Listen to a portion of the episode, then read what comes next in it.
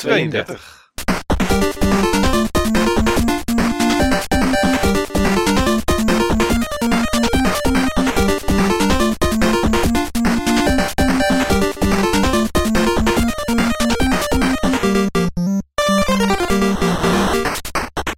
Nou, welkom bij Buttonbashers nummer 32.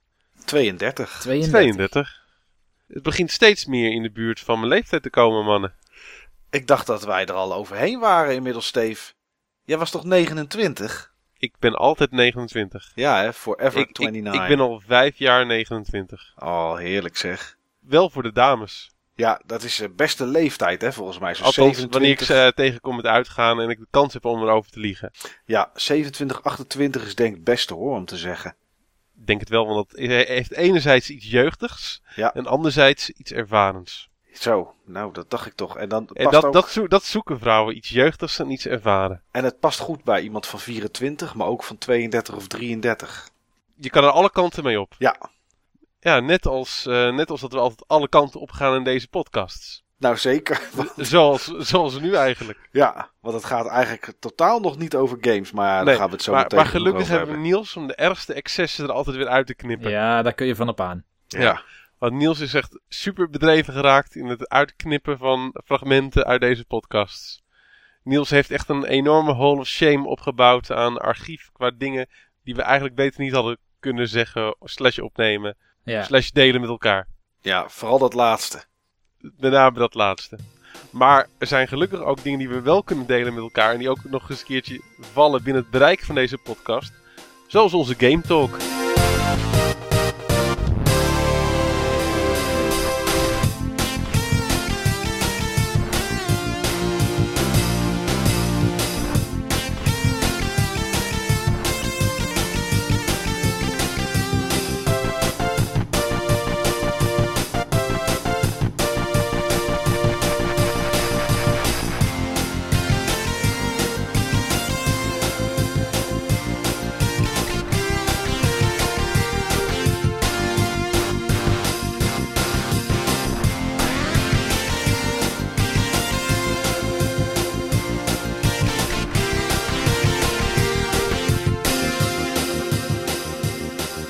Ja, want we kunnen beter snel beginnen met de Game Talk, mannen. Want volgens mij had er net iemand nog gezegd dat hij enorm veel gespeeld had deze weken.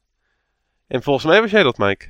Ik heb redelijk wat gespeeld en dan ben ik zelfs nog, eh, ongetwijfeld ben ik een aantal dingen eh, ben ik vergeten om, eh, om op te noemen. Ik zal eens even heel snel roepen wat ik de laatste weken gespeeld heb. Ik heb de nieuwe Strider heb ik gespeeld. Oh, die lijkt me cool. Ik heb de, de nieuwe Thief heb ik gespeeld. Ik heb Castlevania Lords of Shadow 2 gespeeld. Ik heb Weapon Shop de Omasse heb ik gespeeld. Ik heb de Elder Scrolls Online beta gespeeld. Titanfall beta. En ik heb Game Dev Tycoon gespeeld. Zo. Hebben ze eindelijk gewoon de truc bedacht om van je af te komen op de zaak, eh Mike? en, en had je gewoon heel veel tijd over. Nou, nee, het, het was zo dat Castlevania Lords of Shadow 2 kwam binnen ter, ter review. En die heb ik naar iemand anders gestuurd. Maar ja, dat redde ik die dag niet meer. Dus heb ik er s'avonds even wat tijd in gestoken. Ja, eh, het, het was carnaval afgelopen weekend. Tenminste, het is nu nog volgens mij. Dus mijn dochter kwam niet. Dus ik had een extra weekendje om eventjes wat de Elder Scrolls Online te spelen. Nou ja, en Game Dev Tycoon had ik bijvoorbeeld niet gekocht. Maar sinds afgelopen week werkt de Steam Family Sharing optie werkt. En eh, ja, ik heb er dus in één keer een game library van, ik denk, een stuk of honderd games bij. Van een kameraad van mij, eh, waar, eh, waar elkaar de games hebben toe, toebedeeld slash gedeeld. Dus toen ben ik daar aan begonnen. Dus ja, zo... eh, Dat is wel een mooi feature eigenlijk. ja, is, is echt een mooie feature. Het enige nadeel is, maar ja goed, dat, dat weet je, is dat als je iets zit te spelen uit iemand anders bibliotheek en hij wil zelf iets spelen, en hoeft het niet per se die game te zijn, dan krijg je van Steam een berichtje dat je nog vijf minuten hebt en dat daarna de game afgesloten wordt. Dus je deelt heel de bibliotheek. Eh, je krijgt alleen de games te zien die je niet, die je niet zelf hebt. Ja, en dan kan je ze gewoon installeren en dan, eh, ja, dan kan, je ze, kan je ze gewoon spelen van iemand anders. En, eh, En eh, kun je nog één keer zeggen, op het moment van dat je dezelfde game wil spelen, dan mag je nog maar vijf minuten in. Nee, als je op het moment dat. wij- stel dat wij de bibliotheek zouden delen, Steve. Je krijgt er van Ja. mij. ik heb iets van 140 games of zo. Dus ik krijg er in één keer. Krijg je er zeg maar 100 bij, ik noem maar wat. En je zou van mij. Zou jij Alan Wake installeren. En die ben je aan het spelen. En ik wil van mijn eigen games. Wil ik Bioshock Infinite spelen. Ook dan moet jij uit die game. Ja. Oké. Dat is het enige. Ja, je moet er op iets, eh, je moet iets inbouwen, want dat je zeg maar een beperking eh, hebt. Precies. En dan verandert eh, op het moment dat jij iets zou willen spelen terwijl ik zelf aan het spelen ben, dan verandert de knop van play automatisch in buy. En ik snap het ook wel, want anders dan is er natuurlijk één iemand uit de vriendengroep en die koopt een game en die andere zes kopen hem nooit. Want Ja. die kunnen hem dan blijven spelen tot. Hè, dus dat begrijp ik wel. Ja. Maar iedereen krijgt eh, zijn eigen achievements, zijn eigen save games. Dus ja, als je, eh, hè, als, als je gewoon eh, van iemand anders die, die spullen gedeeld hebt, dan kan je. Nou ja, goed, je kan gewoon normaal, normaal die game spelen. Dus daar was ik Game Dev Tycoon was ik aan het spelen. En nou ja, dat is wel. eh, het is een mooie, mooie manier om wat te delen. En helemaal als iemand anders zegt, nou weet je wat, eh, ik wil die game met jouw bibliotheek spelen. Dan kan dan wel. Je kan wel alle twee uit elkaars eh, library één game spelen tegelijkertijd. Dus ja, is een hele mooie optie. Is eigenlijk wel iets voor een aantal mensen van ons forum, denk ik. Nou, er zit wel, zit wel één nadeel aan. Oh, En dat is dat je moet elkaar wel, wel eh eh authorizen. Dus wat ik gedaan heb, ehm, is omdat die kameraad van mij niet bij mij om de hoek woont, kan ik niet langslopen en eh, daar even inloggen met mijn Steam-account. En dan zijn computer authenticeren. Dus je moet wel eh, ja, je account dan aan elkaar geven of wat dan ook. Dus je moet elkaar wel een beetje vertrouwen. ah ja. En dan eh, desnoods even je paswoord veranderen. Maar goed, Dus het is echt bedoeld voor echte vrienden. het is eigenlijk bedoeld voor echte vrienden of eigenlijk echt voor familie. Stel dat je een PC hebt waar eh, meerdere mensen met elkaar eh, hè, gebruik van zouden maken. Ja, dan, dan kan je natuurlijk. Dan kan het altijd. Dan, eh, als de ene een game koopt en die zit in zijn library en niet bij de ander. Ja, goed, dan is het niet zo moeilijk. Dus nu heb ik gewoon eh, mijn account aan deze kameraad van mij gegeven. En die heeft gewoon gezegd: eh, authorize this computer. En toen was die PC van hem geauthenticeerd. Daarna zijn we alle twee met ons eigen account weer ingelogd. En dan, dan zie je gewoon de games van elkaar. Dus het, het is een mooie optie. Ja. Als je iemand genoeg vertrouwt of je verandert even het wachtwoord. Want ja, goed, dat kan natuurlijk ook. Je kan er gewoon even een tijdelijk wachtwoord van maken. Plus dat je van Steam altijd een, eh, een code krijgt om eh, een nieuwe computer sowieso te, te, eh, te authenticeren dat je er gebruik van mag maken met je Steam-account. Dus je zit, je zit op zich redelijk safe. Het is niet zo dat iemand zomaar jouw Steam-account kan doorgeven aan een ander voordat hij überhaupt in wil loggen in een browser of met eh, Steam zelf, met de client. Dan moet je altijd nog een code invoeren en die komt bij jou in je mailbox. Dus Oké. Zeer mooi feature. ja, een hele mooie En- feature. Een feature wat voor mij, mij ook sterkt in mijn mening dat het zowel Steam een, toekom- een, eh, een platform is van de toekomst. Ja. Als dat deze vorm van distributie en deze vorm van licensering ook gewoon de kant is waar het op gaat. Ja, zeker en daar kun je het mee eens zijn, daar kun je het niet mee eens zijn. Dat kun je leuk vinden of kun je niet leuk vinden. Dit is wel wat er gaat gebeuren. Ja. Dit is wel wat er nu al gebeurt. Nou, zeker weten. Ik vind het echt een hele mooie optie. Je kan, op, eh, je kan in totaal 10 mensen kan je toevoegen. Dus als je, ja goed, eh, die kameraad van mij heeft meer dan 200 games. Ik heb er iets van 150.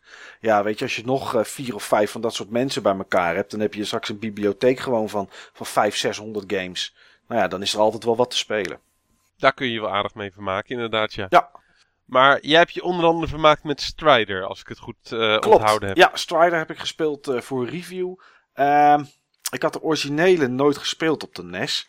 Dus het is Mega Drive. Eh, Mega Drive, oké. ik dacht dat die ook voor de NES er was. Is, hij is er ook voor de NES, maar de grote klassieker Strider zoals Strider bedoeld is en zoals veel mensen hem kennen, dat was op de Mega Drive. Ah, oké. Nou, ik heb uiteraard wel wat gameplay van zitten kijken, zodat ik een beetje wist voorhand waar ik eh, tegenaan ging lopen, zeg maar.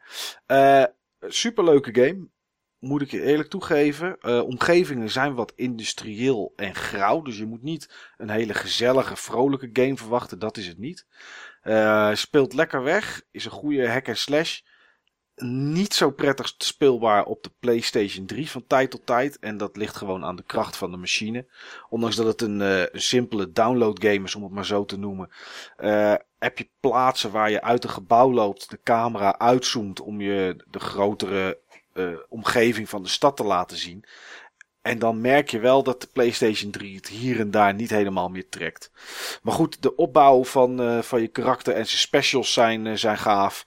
Je krijgt steeds meer abilities erbij, steeds meer mogelijkheden uiteraard word je op een gegeven moment zelf sterker in de combinaties die je kan maken natuurlijk tijdens, het, tijdens de gevechten. En ja, dat geeft het wel voldoening om uh, mooie combo's te maken en in één keer een kamer vol met, uh, met tegenstanders om te leggen. Dus dat is... Als, ik het, als ik het zo hoor, is het een goede Metroidvania game. Ja, dat werd inderdaad ook zo door heel veel anderen bestempeld. Ik, ik, wilde het niet aanhalen. Ik denk, ik laat Strider, ook in mijn review heb ik dat niet gedaan, denk ik, laat Strider gewoon Strider zijn. Ehm, maar dat, is, dat klopt inderdaad. Dat is het, dat is het behoorlijke. Je, hebt, ja, je, kan, je kan backtracken omdat er altijd stukjes zijn waar je eerst niet in kon. En waar je nu wel in kan door een eindbaas die je verslagen hebt. Waar je dan een, een ability van overneemt. Of, of die, daar, die daarna vrij ligt. Dus het is leuk om te spelen. als je er een beetje goed in bent, ben je er alleen wel in vier uur doorheen. Dat is wel uh, een beetje kort. Er is ook een achievement voor. Om het, uh, of een trophy. Ligt eraan waar je het op speelt natuurlijk. Dat je het binnen vier uur uh, uitspeelt. Maar ja. Dat vind ik eerder een voordeel dan een nadeel. Oké, okay, nou dan is het. dan, dan, dan zou ik het. ja, ik zou, ik zou niet iets weten waarom je het niet op zou moeten pikken. De, de, alleen de boss fights vond ik wat simpel. Moet ik heel eerlijk zeggen. De eerste had ik een klein beetje uitdaging. En die daarna nou, ben ik geen enkele keer meer dood gegaan. Uh, en ja, het verhaal is alleen. Is, ja, je krijgt niks van het verhaal mee in het begin. En dan in één keer halverwege een level begint er in één keer een soort dictator begint er te praten. Die de stad onder druk heeft. En ja, dan ben je zoveel aan het lopen en aan het hakken dat je er niet echt iets van meekrijgt. Dus nee. dat is een beetje, dat is een beetje minpunt. Maar goed, uh, vroeger kochten we de games daar ook niet voor. Inderdaad, minpuntje. Ja. Leuke game. Uh, ik was er al in geïnteresseerd, nu helemaal. Ja, zou zeker, uh, zeker kunnen kopen. Wil jij ook nog een game uitkiezen, Niels? Die uh, van Mike zijn uh, indrukwekkende rijtje aan games die hij gespeeld heeft. Ja, ik zat ondertussen op te zoeken waar Strider allemaal op uitgekomen was. Maar... Ah, PlayStation 4, Xbox One, PlayStation 3, Xbox 360 en PC. Ja, ja en de oorspronkelijke, de oorspronkelijke Strider is echt op alles uitgekomen.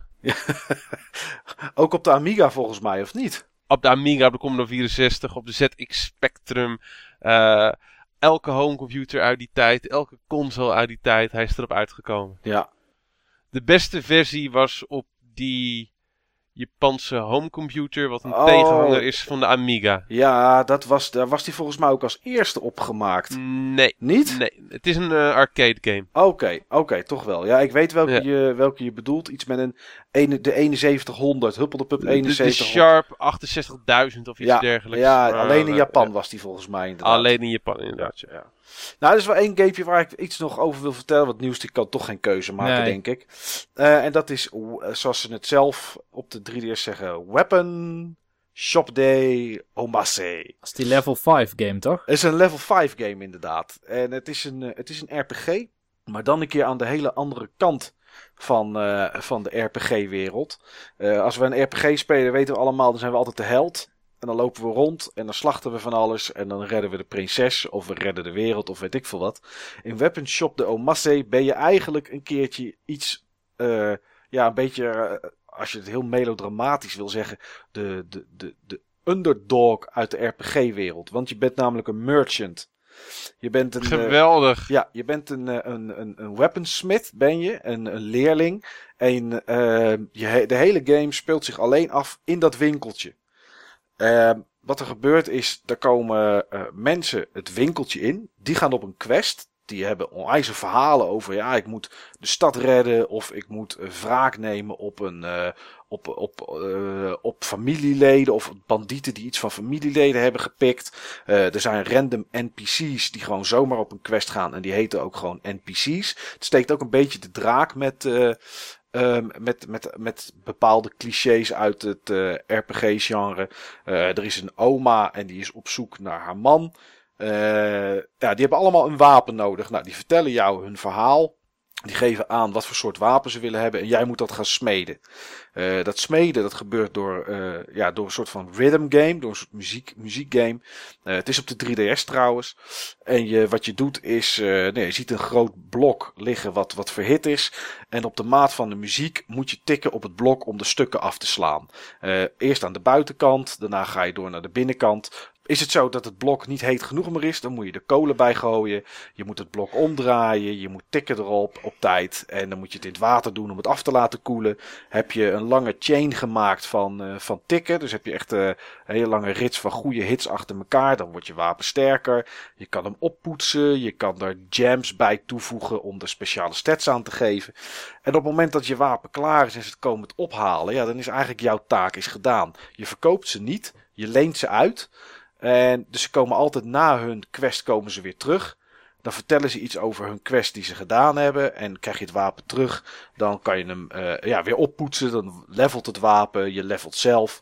Maar het, leuke eraan is dat uh, elk wapen heeft een soort van afluister apparaatje in zich. Dus terwijl die mensen, die NPC's, op hun quest zijn, heb je een log waarin je ziet wat er gebeurt. En daar hebben ze dus ook conversaties met anderen. Je ziet niet wat anderen zeggen, maar het verhaal is wel duidelijk, omdat ze het zo gescript en geschreven hebben dat je het snapt. Ze praten soms tegen zichzelf, zoals jij dat als speler ook tegen jezelf zou doen. hey, zal ik hier links gaan of zal ik hier rechts gaan? Uh, ja, en zo, zo moet je dus zeg maar, uh, ja, maak je wapens, word je steeds beter. En doe je eigenlijk niks anders dan wapens maken op de maat van de muziek, oppoetsen en er wat extra stats aan geven. Zorgen dat je het juiste wapen op tijd klaar hebt. Maar door die verhalen van die mensen die op quest gaan, uh, ja, beleef je toch zeg maar die, ja, die stories mee. En zie je dus een beetje hoe het is als merchant in een RPG, hoe dat, uh, hoe dat in zijn werk zou gaan. En dat is, uh, dat is Weapon Shop de Omasse. Klinkt eigenlijk best wel leuk. Dat, dat, is het ook. Ik, uh, ik heb het denk ik een, uh, nou ja, een uur of 9 à 10 gespeeld binnen een dag of drie. Want als je eenmaal begint, uh, daar zit er soms best wel tijdsdruk achter. Omdat de mensen, ja, er komt iemand binnen, denk je, oké, ik moet dit wapen maken. En er komt nog iemand binnen en die heeft ook weer een verhaal. En oh, dan komt iemand zijn wapen terugbrengen. Dan wil je dat wapen snel poetsen. Want de experience die gehaald is door de gevechten, die krijg je erbij als je hem, als je hem gepoetst hebt. Uh, dan wordt het wapen weer sterker. Maar ja, ondertussen staat er iemand die net al binnen was van... Hé, hey, is mijn wapen al klaar? Denk je, shit, ik heb wapen nog niet klaar. Ik had niet eerst moeten poetsen. Dus er zit best wel wat tijdsdruk achter. Maar er zijn ook momenten dat je niks te doen hebt. Ja, dan kan je alvast wapens gaan maken om ze op voorraad te hebben. Uh, dat kan ook. En... Uh, ja, goed, voor de rest ga je dan naar die, naar die log zitten kijken. Om te kijken wat die andere, een beetje, wat die andere mensen een beetje beleven. Nou, Mike, ik moet zeggen, ik heb vroeger ook in een winkel gestaan. Ja. En wat jij nu beschrijft allemaal, het klinkt echt zo herkenbaar. verkocht, uh, verkocht je ook wapens, Steve? Een soort van. Ik verkocht elektronica. Oké. Okay. En uh, ja, maar gewoon dat ze binnenkomen en zeggen: Ik heb dit en dit en dit nodig, want ik moet die en die verbreken. Ja. Ja, u heeft een packet bel nodig, meneer. Ja. Of een, of een Hewlett Packard en een printertje erbij. Ja. En dan komen ze daarna terug om te vertellen hoe ze het gedaan hebben. Ja, precies. En dan moet je ze ook even gaan poetsen. Ja. Experience. nee, het is, een leuke, het is een leuke game. Ik heb me er mee vermaakt. Je moet het niet een tien uur achter elkaar spelen, want dan word je gek. Maar zo, ik, had, ik had elke keer sessies van zo'n uur, anderhalf uur, zoiets wel. Dus uh, leuk om te doen. Uh, niet al te moeilijk. En uh, ja, zorgen dat je het juiste wapen aan de juiste personen meegeeft. En een beetje genieten van de karakters die ze, die ze hebben neergezet. En, uh, je hebt de standaard held. Je hebt een of andere Fransman. En die ziet dan op tv ziet hij weer een of ander wapen. En dan denkt hij, zo'n wapen moet ik hebben voor mijn quest. En de reden dat je weet dat de Fransman is, is dat bijna alle haas wegvallen in de tekst. Dus je gaat het oplezen en je hoort hem praten. En dus die ondanks dat je die personages niet speelt en ze alleen maar in je winkel komen, heb je er toch, ja, je hebt, je hebt, je hebt er iets mee. En dat maakt het wel, uh, dat maakt het wel, dat maakt het wel leuk. Er zitten wel leuke grapjes in. Ik heb af en toe wel eens gelachen ook. Dus het is, uh, ja, het is een leuke game. Ja, hij maakt ook deel uit van die Guild-serie. Dat zijn eigenlijk een serie minigames uh, die door Level 5 zijn gepublished. Oké. Daar heb ik er meerdere van gespeeld. Er zijn nog twee games die ik dan even aan de aandacht wil brengen. Gewoon om even genoemd te hebben. En één daarvan is uh, uh, Crimson Shroud. En dat is een game van, uh, van een zeer bekende game designer, Matsuno. En veel mensen kennen die misschien wel van Tactics Ogre en eh, Final Fantasy Tactics.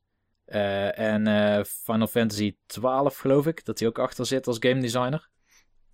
En dat is eigenlijk een soort tabletop RPG. Dus waar je echt dobbelsteentjes gooit en waar eh, als het ware een narrator het verhaal vertelt. En, eh, en wat de speler en zijn party als het ware moet doen. Oké. Heel, eh, heel slim verzonnen en over het algemeen staat die bekend als de beste uit de Guild-serie. En de andere die vaak wordt genoemd als een hele goede titel, ik vond hem persoonlijk minder, maar dat is Attack of the Friday Monsters. Oh ja, die ken ik qua naam wel. Ja, die ziet er echt geweldig uit. Het is alsof je een, eh, zo'n anime tekenfilm speelt. Het is ook echt een, eh, meer een visual novel dan een game. Het enige gameplay-achtige wat je doet is eh, naar de volgende cutscene trigger lopen en een soort schaarsteen papier gebaseerd kaartenspelletje spelen. Nou ja, op die gameplay viel de game voor mij eigenlijk door de mand. Ik vond hem niet zo bijzonder, maar over het algemeen wordt hij echt zeer goed beoordeeld. Oké. Nou ja, goed. Dit, is, eh, dit moet je net liggen, inderdaad. Maar eh, ik, vond het, eh, ik vond het leuk om te spelen. Ik, eh, Oké. Ja, gewoon een leuke, leuke frisse, frisse game. Weer eens even net, net iets anders, eh, zeg maar. ja. Oké, nou, goed om te weten. Ja. Maar wat heb jij allemaal gespeeld, Niels? Ik heb de meeste tijd gestoken in twee nieuwe games die ik nog niet had hiervoor. Eh een daarvan is Knit Underground. Dat is Oh. een eh, indie game. Heb ik ook gespeeld. Ja. En de andere is Donkey Kong Country Tropical Freeze. Ik zou, ik zou wel graag leuk vinden als je iets vertelt over Net Underground. Omdat ik het ook gespeeld heb. Ik heb het gereviewd. Ja. Ik ben benieuwd wat jij daarover denkt. ja, ik vind het een interessante game. Ik vond het in het begin... Kijk, het is een spelletje. Je kan het als, zien als een soort ehm, Castlevania of Metroid, maar dan zonder alle combat. Ja. Dus het is eigenlijk meer... Het focust echt puur op die exploration. En het triggert in ieder geval bij mij ook wel eh, dezelfde ja, funwaarde, zeg maar. Het spel is opgedeeld in drie chapters. Eh, de eerste twee chapters zijn eigenlijk alleen maar tutorials voor het derde chapter. In het eerste chapter ben je een poppetje en dat, eh, dat kan alleen maar springen en klimmen. En op basis van wat power-ups die her en der liggen, een kant op schieten door de lucht. Daarmee ga je dus door een wereld die net als zo'n Castlevania eh, helemaal interconnected is. En waar je af en toe iets open moet maken om van een andere kant doorheen te kunnen. In het tweede chapter ben je een bal en die kan stuiteren. Dus je hebt eigenlijk twee knoppen die je dan nog gebruikt. En de, de ene knop ga je harder mee stuiteren en met de andere zachter. En daarmee navigeer je dan door een wereld. En in het derde chapter dan ben je ze allebei en dan kun je switchen on the fly. Om zo door de complete map van beide werelden die je in de vorige chapters hebt geëxplored. Om daar, daarmee doorheen te komen. En het probeert dan een of ander verhaal te vertellen, maar dat weet ik niet waar het over gaat. Nou, ik ook niet hoor. Dat is eh, heel vaag. En eh, Iets met fairies en zo. ja, ja, dat, is, dat vond ik niet zo heel erg interessant. Ik vond het eerste level, zeg maar, met het jongetje wel leuk. Ik vond alleen die bal vond ik een beetje irritant met het gebounce. Omdat ik het niet helemaal onder controle... Omdat je niet zelf 100% onder controle hebt Nee, wat, wat er gebeurt. Met het is je... echt puur physics allemaal, hè? Ja.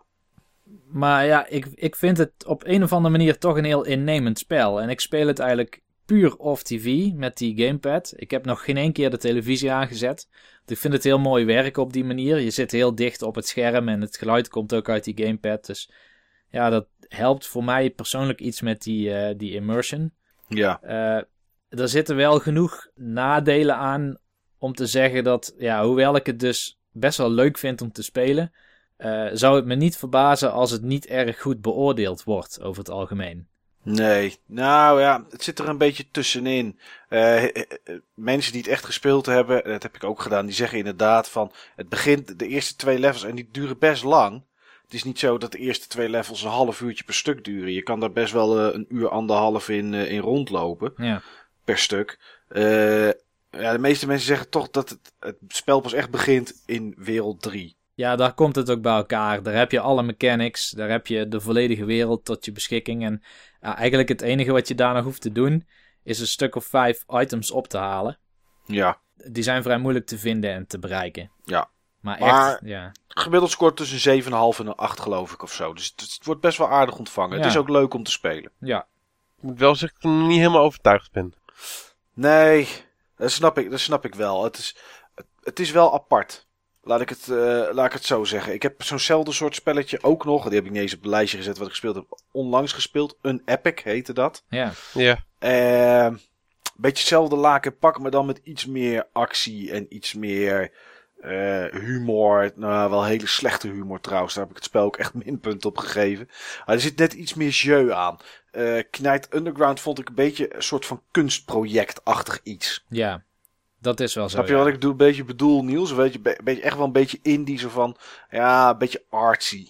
Ja, het is inderdaad best wel artsy-fartsy op een bepaalde manier. Want het is helemaal eh, met silhouetten gemaakt. Eh, niet dat dat op zichzelf iets artsy maakt. Ik bedoel, Limbo was ook een hele goede indie game die puur met silhouetten was gemaakt. Ja. Maar ja, hier zit een soort inconsistente artstyle in. Want hoewel die wereld dan eh, eigenlijk een zwarte silhouet is met wazige achtergronden. En die worden echt steeds waziger in allerlei planten en paddenstoelen en radars en dat soort dingen zitten op de achtergrond. Maar je karakter en de andere karakters zijn weer echt van die paint eh, kunstwerkjes. Ja, En dan bedoel ik kunstwerkjes niet eens als eh, dat, dat je er eh, dat het mooi is of zo. nee, ja, het is, eh, ik denk, Steve, dat jij, ik denk dat het voor jou niks is. Nou, goed om te weten. Ja. Maar heb jij nog meer dingen gespeeld dan eh, dat Niels? ja, ja, wel. ik heb ongeveer evenveel tijd gestoken in eh, Donkey Kong Country Tropical Freeze. Kijk, daar wil ik wel even wat meer van weten. Ja, nou, ehm, waar zal ik beginnen? Bij het begin. Donkey Kong Country Tropical Freeze is duidelijk gewoon een sequel van Donkey Kong Country Returns. Het doet eigenlijk niet heel veel nieuws vergeleken met de Returns, maar het is wel in alle opzichten beter. Oké. In veel opzichten is dat hoe een eh, sequel moet zijn. Ja, Ja. ja, dan zeg je wat, Steve. Ja. Nou ja, dit eh, over het algemeen in de hele reeks van Donkey Kong Country spellen wordt deel 2 als, eh, als de climax gezien, als het beste deel. En dit spel komt daar wel aardig in de buurt voor mij. Ehm, gaat er misschien nog wel overheen zelfs. Het is voor een Donkey Kong Country game wel echt een hele, hele goede. Oké, cool. Dus het is best wel weer een moeilijk spel. En eh, wat eigenlijk het mooie is aan deze versie is... ehm, alle levels zijn een stuk langer. En sommige levels die vertellen bijna een verhaal zeg maar, in het level design zelf. Dus er verandert zoveel terwijl je door een level gaat. Het speelt ook heel veel met hoogteverschillen en, eh, en, en dingen die kapot gaan... waardoor het level weer verandert qua thematiek of qua achtergrond. En daarbij blijft het gewoon een hele uitdagende platformer. Een klassieke platformer. Oké. Maar wat, wat, ik bedoel, als je, als je Donkey Kong Country Returns hebt gespeeld en je speelt daarna deze, dan voelt het wel echt aan als een vervolg, zeg je. Ja. Maar hoe is het qua besturing? Wat dat, Ja, natuurlijk. In eh, het eerste deel was eh, de besturing soms een punt van kritiek. Vooral omdat Ja. je moest schudden om te rollen. precies. Ja, ik weet niet of dat als jij alleen met de, de Wiimote speelt, of dat je dan nog moet schudden. Want je hoeft niet zelf te rennen. Ik weet niet of dat, dat in de vorige game ook zo was, maar hier, eh, omdat je de analoge stick gebruikt, rent Donkey Kong automatisch als je die stick ver indrukt. Oké, volgens mij moest je in de vorige wel knop indrukken om te rennen. Ja, maar met, met de Wiimote heb je geen eh analoge stick, hè? Nee, daarom. Dus naar links was gewoon lopen. Volgens mij moest je dan wel een knop indrukken Ja, om het zou goed rennen. kunnen zijn dat je met de Wiimote nog steeds moet schudden. Ik was er live getuige van. Mhm. Dat, eh, dat iemand die de eerste game heel goed kent. eh, eerst met, een, eh, eerst met eh, de Wii U controller aan het spelen was, de Wii U gamepad. En daarna inderdaad een Wiimote pakte, helemaal blij was omdat ze de originele control scheme eh, erin gehouden hadden. Oké, dus ook het schudden om te rollen, zeg maar, zat en daar dat, nog in. dat was Party Star. Ja. Die zat Ah. eerst te spelen met, eh, de, eh, met de Wii U gamepad. En daarna ging die, eh, hij was zeg maar op zo'n eh, speedrun event. En hij ging dan niet speedrunnen, maar hij ging dan zeg maar deze game voor het eerst spelen. spelen. Dus je zag hem ook zeg maar deze game uit het folietje halen. Dat gebeurt niet vaak dat hij games uit het folietje haalt. Nee. Daar was, ik wel- was ik wel trots op. En ehm, ja, hij vond het hartstikke leuk. Dus eh, dit, was, eh, dit was een beetje zijn maiden voyage in eh, de HD-wereld. Ja, Ja. Ik, ik moet ook zeggen dat voor mij persoonlijk. Want ik heb, eh, ik heb Super Mario 3D World heel hoog zitten. Die ik overigens Ja. met vier personen leuker vind dan in mijn eentje, heb ik inmiddels eh, ondervonden. Eh, ik vond Rayman Legends misschien nog wel iets beter. Maar naar mijn persoonlijke smaak vind ik Donkey Kong Country nog beter dan die twee vorige. Maar dat is omdat het zo'n ontzettend verfijnde gameplay is. Het is weliswaar niet heel vernieuwend. En het verrast ook niet qua mechanics. Wel qua levels moet ik zeggen. Dat elk level is wel beduidend anders. Dus wat dat betreft lijkt het wel een klein beetje op uh, Super Mario 3D World. Waar ook elk level zijn eigen thema heeft en daarmee speelt. Ook een beetje met die mechanics. Donkey Kong probeert niet zo vernieuwend te zijn met dingen. Maar het bouwt voort op een, uh, ja, op een hele succesvolle reeks. En het, het zet die stijgende lijn in die kwaliteit nog steeds door. En dat vind ik wel heel erg uh, heel leuk om te spelen. Als ik het uit heb gezet, dan duurt het misschien maar een minuut of twintig voordat ik in één keer toch maar weer de console aanzet, omdat ik toch nog even verder wil spelen. Kijk, zo hoort een game te zijn. Dat is een goed teken, inderdaad. Dit is in ieder geval geen game waarvan je bang hoeft te zijn dat je hem eindeloos laat liggen. Nee, absoluut niet. Nee. Dat is direct een mooi bruggetje naar ons hoofdonderwerp, wat we overigens nog niet direct gaan houden, want ik moet nog mijn uh, ja. games vertellen ja, natuurlijk die ik gespeeld heb. Maar ons hoofdonderwerp van deze week zijn games die je al een hele tijd hebt en waar je niet in kon komen en die je eigenlijk maar eindeloos laat liggen. Maar inderdaad, Steve, uh, nu jij zelf, omdat je ziek bent, eindeloos aan het liggen bent, uh, ja. heb je in die tussentijd nog iets gespeeld? Ik, uh, ik zit thuis met griep en ik heb eigenlijk deze dagen heel weinig gespeeld. Ik voelde me echt heel erg beroerd. Het gaat nu weer iets beter. Ja. Maar ik heb de laatste, laatste weken, want het is alweer weken geleden dat we een podcast hebben opgenomen, heb ik wel wat dingen kunnen spelen. Ja. En bij de vorige podcast waren er sowieso wel dingen die ik vergeten was om met jullie te delen. En die juist zo interessant waren om met jullie te delen. Oh man, dus je hebt een shitload aan games. Ja, nou, dat valt ook nog wel mee. Ik ga ook wat keuzes maken uh, daarin. Maar dat was ik later vergeten. Bij de vorige podcast, uh, het weekend daarvoor, waren ook een paar van onze mods bij, uh, bij mij blijven, blijven logeren. Dat, dat weekend. Want dat was zeg maar het weekend van de Retro Gamebeurs Deurne en daar gingen we toen met z'n allen naartoe. Dus Jur die had bij mij gelogeerd en Joey die had bij, bij David, Jur Bob, een van onze andere forumleden, gelogeerd.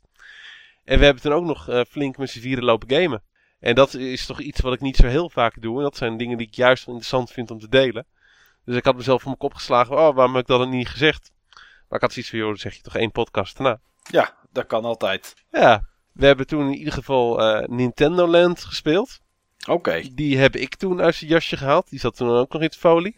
en Rayman Legends. Dus dat waren alle twee wel echte vier spelergames. Ja. En ik vond met name Nintendo Land vond ik echt uh, heel erg leuk. Met name die uh, Luigi game. Dat je zeg maar met die, met die spookjes... die is leuk hè? Ja. Dat je dan zeg maar met zaklampen het spook moet zien te vinden. Dat vind ik echt helemaal geweldig.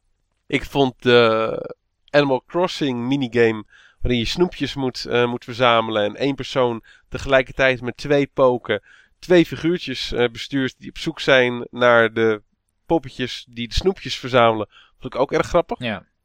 Maar de rest van de games vond ik toch wel een beetje filler. Ik was heel benieuwd naar die uh, Metroid game. En die konden we niet spelen omdat ik niet genoeg Emotion Plus, Emotion ja. Plus controllers had. Een beetje jammer. Ja, voor de rest een beetje filler allemaal. Ja, Nee, ik vind het wel zonde eigenlijk. Dat doet me denken aan een verhaal van de week. Dat iemand niet zo goed door had wat de Wii U nou was. En dit is wel weer zo'n heel mooi voorbeeld van Nintendo. Dan hebben ze Nintendo Land. En dan moet je gewoon Wii Motion Plus controllers ook nog eens hebben. Om een bepaalde minigame te spelen die hierin zitten. Dat vind ik wel echt zonde. Want het verpest voor een hoop mensen iets. En nu, ja goed, we hebben Niels er al uh, heel lang in het begin over gehoord. Dat hij dat echt de leukste game vond die erin zat. Die Metroid. Ja. Ja. En het is toch best zonde, Steve, dat jij dat nu niet hebt kunnen proberen. Ja, vond ik, uh, vond ik ook. Dus uh, dat gaat er nog eens een keer van komen als ik genoeg van die dingen bij de hand heb. Ja. Maar uh, ja, het is toch niet alsof ik elke week met vier man in mijn huis zit die ook nog eens een keer zin hebben om te gamen. Nou. en Mario Chase, vond je dat ook filler? Die en die Luigi's Mansion-achtige game. Mario Chase, die vond ik ook wel leuk. Ja. Maar ik moet wel zeggen, um, ik vond wel dat veel van die games gebaseerd zijn op andere mensen achterna zitten. Ja. Ik vind dat het, uh, het is allemaal wel hetzelfde kunstje wat ze uit uh, de kast uh, trekken. Dat vond ik een beetje ook niet echt super creatief. Heb je die, die Pikmin game nog gespeeld? Of kan je die alleen maar met maximaal twee mensen spelen? Die hebben we gespeeld. Vond je dat niet leuk? Want dat heb ik met mijn dochter heel veel gedaan.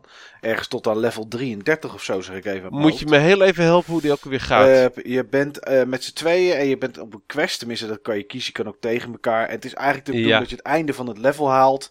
En je moet eh, eh, oplevelen door, eh, door speciale gele balletjes te kopen, of te, op te pakken. En je hebt eindbazen. Ja, je moet eigenlijk gewoon een soort level doorwerken. Ja, één speler is dan Olimar en de andere zijn de Pikmin. Oh ja, ja, dat hebben we kort gespeeld. Oké, oké. Nou, dat vond ik, dat vond ik de- na Luigi's eh, Mansion, zeg maar. eh, vond ik dat wel een leuke game, omdat dat niet kort en tegen elkaar was, maar dat je soms ook langere levels hebt en met elkaar een beetje aan het overleggen bent om, eh, om, om door het level heen te komen. Meer co-op dan echt een beetje tegen elkaar. Ik moet Ja. zeggen dat ik dat wel leuk vond. Nou, vonden we ook wel leuk volgens mij, maar eh, hij sprong er niet enorm uit. Nee, nee, dat blijkt wel. Wat er wel uitsprong was Rayman Legends natuurlijk. Dat is Ja. geweldig, hè? Die had ik nog nooit gespeeld. En ik moet zeggen, ik vond het wel erg hectisch. En ik was toen ook een beetje moe. En eh, ik wa- het was ook vrij op het eind van de avond. Ik was niet zo heel erg scherp meer. Maar geweldige game. Echt een geweldige game. Zoveel humor en zo, eh, zoveel detail. En ehm, zoveel creativiteit. Dat, dat eerste musical level wat erin zit, echt geweldig. Gaaf, hè? Ja, met Black Betty van Ram Jam. Ja. Die ik als eerste, die, die ik volgens mij als enige kende. Oh, oeh. Dat ik ook moest zeggen van, hé, hey, dit, eh, ja, dit is een eh, bestaand rocknummer hoor, is heel oud. Ja, en toen voelde maar- je je ook oud, of niet, Steve? Ja, van, van Jur wist ik niet zeker, of weet ik niet meer zeker of die het nou wel of niet eh, kende. Maar, maar Joey en, eh, en David, die kenden het in ieder geval niet. Dus toen voelde ik me wel oud, ja. Tja. Ja. Dus toen had ik weer zo- zoiets van, shit, dan moet ik er weer eentje van 18 zien te vinden om gewoon eh, dat gevoel eventjes eh, Je moet het ja, compenseren. van, van me af te schudden. Ja, Maar, ehm, of laten schudden, dat is het beste. Of laat, laten schudden, inderdaad, ja. Maar wat de creativiteit in, dat level, joh. Echt zo geweldig. Ik moet ook gewoon die andere levels ook allemaal zien. Ja. Dus ehm Ja, er zit heel veel dit, dit is creativiteit. er zeker eentje die ik, eh, die ik ook eh, over een tijdje zelf wil gaan spelen. Ja, er zit zo, zoveel creativiteit in al die levels. Het is niet normaal hoe geweldig ze die game gemaakt hebben. Ja, hij werd uitgesteld. Maar ik ben blij dat ze hem, eh, dat ze hem niet alleen maar voor de Wii U hebben gemaakt. Want er konden er veel meer mensen van genieten. Het is alleen jammer dat het niet gebeurd is. De game heeft niet zo heel goed verkocht. Nee, beetje jammer. Ja. Beetje jammer. Maar was het wel waard geweest? Zeker, zeker. Maar ehm, dat is niet het enige wat ik deze week gespeeld heb. Wat ik ook nog gespeeld heb. En jullie ook. Pokémon X en Y. Oh ja, Ik er Ja. niet. Je zegt jullie ook, maar dat bedoel je denk ik dan meer de luisteraar mee. Wat doe jij niet mee met de competitie, eh Mike? Ik heb geen eh Pokéjong eh, X of Y. Oh, oké. Ik eh, vond Pokémon in het begin wel leuk met de, met de rood en, eh, en de blauw en zo. Maar ik, eh, ik kan me er niet voor opladen om het nog te kopen, joh. Ik, sowieso heb ik de tijd niet, want ik moet nog steeds beginnen tot mijn grote schande aan Bravely Default. Die ligt nog steeds in de seal, ondanks dat hij al drie of vier weken op mijn, op mijn bureau ligt. Maar ik heb, ik heb er de tijd niet voor. Ik had wel graag meegedaan aan de battle, moet ik eerlijk zeggen. Want dat vind ik dan wel leuk. Alleen ja, goed, als je het niet hebt, heb je het niet. Dus eh, nee, daar kan ik niet, niet over meepraten, over het forum toernooi. Oké. Maar jij wel, eh, Niels. ja. Het is wel leuk, hè, die, eh, dat toernooi. Ja, het, ik heb zoiets nog nooit gedaan. Ik heb nog nooit gebatteld, dus dit was voor mij de eerste keer. Maar ik vind het inderdaad ontzettend leuk om te doen. Ook al heb ik de game nog steeds niet uitgespeeld. Ik ook niet. Ik heb nog maar één badge, joh. Ja, ik heb inmiddels alle badges, maar daarna dan ben je nog niet klaar. Maar eh, doe eens eventjes een kleine soort eh Kermit de Kikker reports voor mij, jongens. Ik bedoel, eh, hoe, hoe gaan die battles in, in, in zijn werk? Want soms zie ik scores staan van 0-8, soms zie ik 1-0 staan. Ik, ik snap Ja, helemaal 08, niks van. 08 kan niet. Nou ja, 0-7 eh, of 0-6, maar ik, ik zie van alles staan, maar ik begrijp het nooit. laat ik het zo zeggen. ehm, de stand die je ziet, ziet staan is altijd, zeg maar, in principe met eentje op nul. Ja? Of eh, je hebt elkaar tot een stand-off eh, ge- gevochten. Van tot één persoon, dat je gewoon aan het tijdslimiet gekomen bent van een uur. Maar dat is zeer zeldzaam. In principe is altijd één van de twee af. En het andere cijfer wat je ziet is het aantal Pokémon wat eh, de andere persoon over had van, van de zes. Oké. Dus eh 6-0, dus een clean sweep. Dat hadden mijn tegenstanders vaak. Ja. Maar vaak kan ik er wel eentje meenemen. Oké, en dan wordt het, dan wordt het 0-5. Ja. Oké. Maar ik, ehm, het spannendste potje wat ik gevochten heb, dat was eh 0-2. Oké. En tegen wie was dat? Dat was tegen Mimi. Oké. Een van onze nieuwe leden die speciaal voor deze contest erbij is gekomen. Oké. En jij, eh, Niels, eh, hoe gaat het met jouw battles? Ja, het ging eh, volgens mij wel aardig. Ik moet zeggen, ik ben het heel even kwijt wat ik precies allemaal heb gespeeld. Maar ehm, ik ben eigenlijk begonnen met een team wat, wat ik gewoon gebruikte ook in de singleplayer game. Oké. En ehm, daar heb ik mee tegen Nesrunner gespeeld. En dat ging helemaal fout. Valikant fout. Ik was echt totaal kansloos. Eh, dat komt omdat A. Mijn Pokémon miste de moves. B. Er zat geen visie achter het team. Ik heb snel gemerkt, bijvoorbeeld bij Nesrunner. eh, die heeft gewoon een strategie. Eh, hij heeft zelfs meerdere teams met meerdere strategieën. Ja, ik kan het niet nu gaan hebben over wat voor soort strategie dat is. Want dat ondermijnt natuurlijk zijn, eh, zijn kansen in het toernooi. Maar ehm, Nou, het toernooi is afgelopen hoor, op het moment dat eh, deze uitzending eh geëerd wordt. Maar volgens mij komt er ook nog wel een ronde 3 voor, voor de laatste twee of zo. Dus ik weet niet zeker of dat dan afgelopen is. Maar wat ik wel kan zeggen, zeg maar, is mijn, mijn team was gewoon... Ja, ik eh, maak gewoon een hele sterke water-Pokémon die tegen vuur kan. En ik maak een hele sterke eh vuur-Pokémon die weer tegen gras kan. Geloof ik dat eh, de weakness was. Maar daar zit het hem niet in. Je moet eigenlijk meer denken in van hoe krijg ik de status van de Pokémon van mijn tegenstander heel negatief. Dat ze bijvoorbeeld allemaal poisoned zijn of dat ze paralyzed zijn of, eh, of, of moe, waardoor ze niet terug kunnen vechten. Dat soort dingen moet je meer in zitten te denken. Waar ook, waarin je ook Pokémon hebt die bepaalde rollen vervullen. Bijvoorbeeld één die, die is puur in het leven geroepen om eh, andere Pokémon een status te geven. En daarna maakt het ook niet meer uit wat daarmee gebeurt met die Pokémon. Die switch je eruit of zo. En dan vervolgens heb je bijvoorbeeld een tank en die kan heel veel damage absorben. Zodat de tegenstander eh, moves kwijtraakt. Eh helemaal uitgeput raakt wat dat betreft. En dat hij dus eigenlijk niks meer tegen jou kan doen. En dan kun je daarna er weer een sterke Pokémon in switchen om zeg maar de finishing blow te doen. Dat is het idee van, eh, van een strategie. Dat had ik dus niet. Maar ik heb van een aantal spelers af en toe wat Pokémon gekregen. Eh, en ik heb natuurlijk op Bulbapedia, dat is zeg maar de Wikipedia voor, voor Pokémon, heb ik gekeken naar, oké, welke Pokémon heb ik tot beschikking waarmee ik wel zo'n strategie uit kan voeren. En toen ik dat eenmaal had, toen heb ik volgens mij één potje gewonnen, misschien twee potjes gewonnen. Oké, maar dat klinkt nog als best veel werk. Heb jij er ook zoveel tijd in gestoken, Steve? Nee joh, ik heb gewoon bij elkaar gesprokkeld van wat ik heb gekregen en ik ben gewoon die battles ingegaan. Ja, ja, Screw that shit. ja precies. Full frontal, hupla. Ja hoor, Ja. dus eh, gewoon kijken of je ze kan verrassen. Schijnbaar heb ik van de afvallers de meeste punten gescoord in eh, ronde 1. Eh, alleen nou eh, is iedereen weer een blank slate. Dus in ronde 2 begint iedereen weer met 0 punten. En zeg maar de afvallers van, eh, van wat de Elite 4 wordt genoemd. Die, eh, die moeten opnieuw tegen elkaar in een soort kleine mini-league. Oké. En dat bepaalt dan de eindstand. Nou ja, ik ben benieuwd eh, wie er uiteindelijk eh, gaat winnen. Ik heb een voorgevoel. Maar nou ja, dat zegt natuurlijk helemaal, helemaal niets. Maar het is. ja, het, het, heeft mij, het heeft mij blij verrast, deze competitie. Want ik, ik ik wist natuurlijk niet of, hoe het ging lopen. Werd natuurlijk door een, niet door ons opgezet.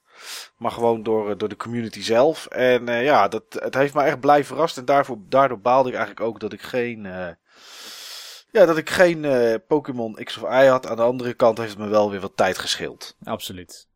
Maar de volgende keer doe je gewoon eh, ook lekker mee. Mocht ik de game tegen die tijd hebben, dan eh, doe ik zeker mee.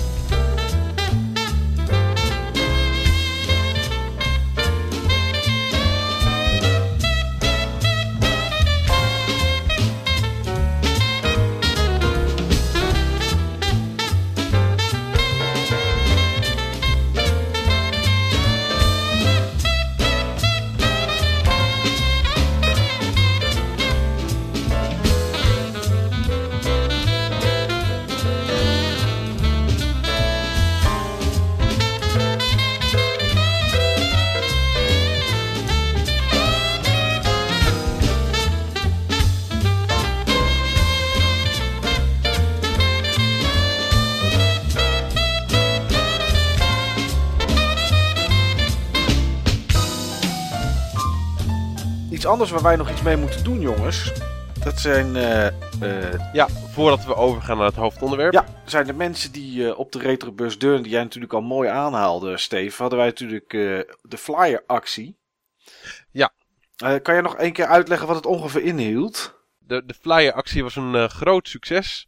Eh, dat heeft ervoor gezorgd, de flyer-actie, iedereen die zeg maar een foto van de flyer postte op het forum, die dingt mee naar prijzen.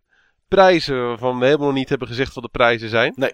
En eh, het was een groot succes van we hebben maar liefst vier mensen die een foto hebben gepost. Ja. Nou, dat is eh, voor die mensen natuurlijk wel een groot succes. Dat is voor die mensen een groot succes inderdaad. Want ja. eh En, daar is er eh, meer kans op winnen. Ik moet zeggen, we hebben ook van tevoren, we hebben pas vrij kort van tevoren aangekondigd dat we dit gingen doen. Ja. En we hebben ook niet echt gezegd wat de prijzen waren. Nee. Kunnen we eindelijk eens een keer van al die Rise of the Robots en Shaq Foos afkomen? Nou, inderdaad. zeg. die, we, die we hebben liggen. Ja, want eh, ik vind eigenlijk sowieso dat iedereen daar er twee stuks per stuk van moet krijgen. zeker, zeker. Dan zijn wij van die rommel af. En iedereen die zeg maar daar een foto van maakt van het eindscherm, die doet mee in de volgende contest. Ja. Om, om shitty prijzen te winnen. Nee, we hebben mooie prijzen. Ja. We hebben mooie prijzen.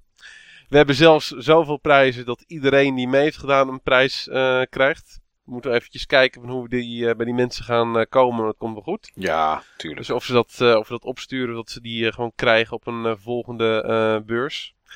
Ehm, alle runners-up die krijgen een, eh, een retro DVD. Een retro eh, collection DVD. Hadden we daar geen VHS'jes eigenlijk van? Want dat was wel meer retro geweest. Eh, de VHS'jes die zijn ooit een keer met eh, de vuilnisman meegegaan. Oké, nou dan, eh, dan is dit het goede mijn, vervanger. sa- samen met mijn, ehm, met mijn pin- pin-up club collectie. oh man. Die ik zeg maar allemaal heb lopen tapen, zeg maar, eh, s'avonds laat. Ja, Veronica op Nederland 2. Ja, ja, ja. Maar goed, ehm, vier mensen hebben dus eh, hebben, hebben de foto gemaakt en neergezet. Klopt. Dat zijn in, eh, in niet willekeurige volgorde Lieutenant Greenback, Ja. Nesrunner, Ja. RMW Zeker. en eh, die jongen waarvan ik zijn naam nooit kan uitspreken. Ja, ik inmiddels wel. Ky- Ky- Chiron Gin. Die. Ja. Ehm, ja, ik heb, ze hier, eh, ik heb ze hier voor me en ik heb eh, random.org heb ik open. En op random.org kan je gewoon eh, random nummers laten genereren. Ik heb daar 1 tot en met 4 heb ik daar ingevuld. En ik ga daar nu, eh eh nou ja, geblinddoekt. Is leuk voor het effect. Eh, Niels, misschien kunnen we er even een, een tromroffeltje onder krijgen. Ja, is Ga, goed. ga ik nu, omdat er vier mensen meededen, vier keer op random drukken. En dan gaan we kijken welk nummer eruit komt. Dat is één. Dat is twee. Dat is drie. En als laatste. Klik nummer 4. En klik nummer 4 komt een 1 uit. En een 1 is RMW. Dat is de winnaar van de, ja, van de, van de flyer actie. Gefeliciteerd. Ja, Gefeliciteerd. gefelici- Met gefeliciteerd. 20 checkfoes. Ja, want wie wil dat nou niet? Ja, Ja, het is wel mooi vind dat eh, NMW de prijs heeft gewonnen. NMW als eh echte Sega-fan. ja. Want het zijn eh, toepasselijke prijzen, want het is absoluut geen Sega. Het is een Nintendo 64 pakket. Kijk eens aan. En Nintendo 64 CIB, CIB, NIB pakket. En wat zit er precies in het pakket, eh, Steve? Shadowgate 64. Ja. eh, Ready to Rumble Boxing. Oeh, dat vond ik altijd leuk. Ja, dat is een leuke game. En als klap op de vuurpijl een Banjo Tooie nieuw in doos. Als ik dat wist, had ik zelf meegedaan. Nieuw Die in heb ik doos? nog Ja. niet.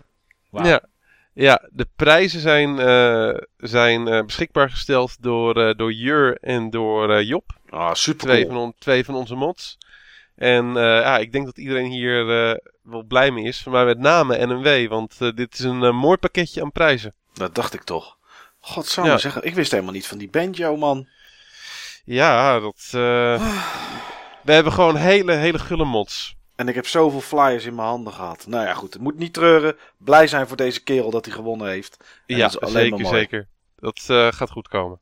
Dus eh, we moeten even kijken van hoe het bij NMW terecht eh, gaat, eh, gaat komen. Of we het gaan eh, opsturen of dat we het op een volgende beurs eh, meenemen. Nou, komt vanzelf maar daar, goed. eh, daar nemen we wel contact eh, voor met hem op. Nou, super mooi. Ja. Oké, dus dat was eh, onze eerste Buttonbashers loterij. Nou, ik denk dat er nog wel meer gaan volgen. Ik, eh, ik denk het wel. Ik denk het wel. Misschien dat Dus, mensen na deze aflevering dus meer getriggerd zijn om mee te doen. Als ze weten wat voor prijzen er tegenover kunnen staan. Dat is geen flauwekul. Zeker, zeker niet. Ik denk, mannen, dat we nu al door kunnen gaan naar ons hoofdonderwerp. Zeker weten. Want anders laten we dat hoofdonderwerp ook alleen maar liggen. Kijk eens aan. Dan eh, wordt het ook weer een stukje uitstelgedrag om bij dat hoofdonderwerp eh, te komen. En dat is eigenlijk het hoofdonderwerp van, dit, van deze podcast. Uitstelgedrag in games.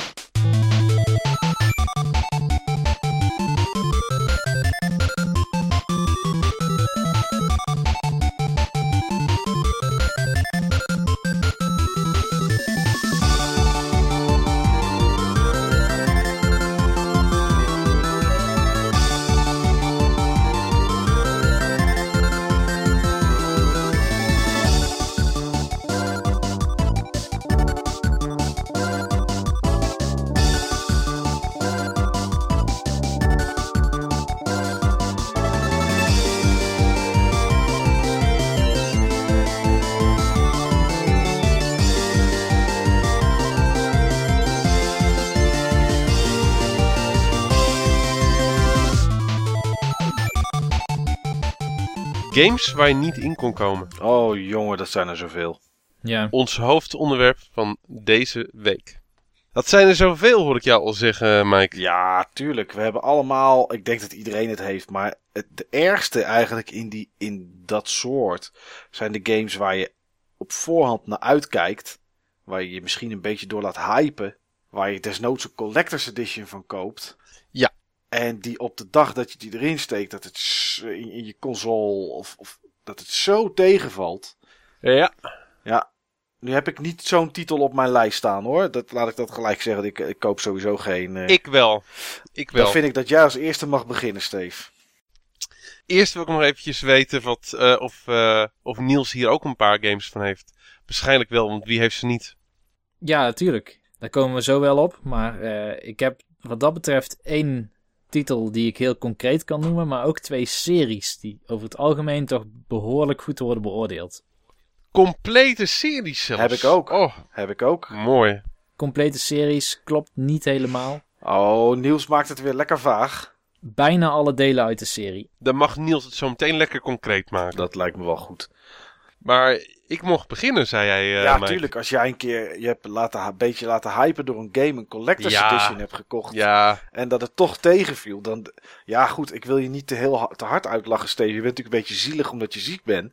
Maar kom op, zeg. eh, dat ik ben heel benieuwd. Ja, loser. Ja. het is een van mijn eh, favoriete gamereeksen.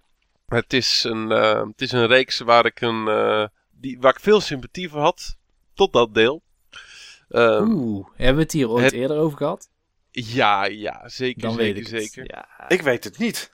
Het, eh, het eerste deel is een, eh, is een deel wat ik tegelijkertijd gekocht heb met een van mijn meest geliefde spelcomputers ooit.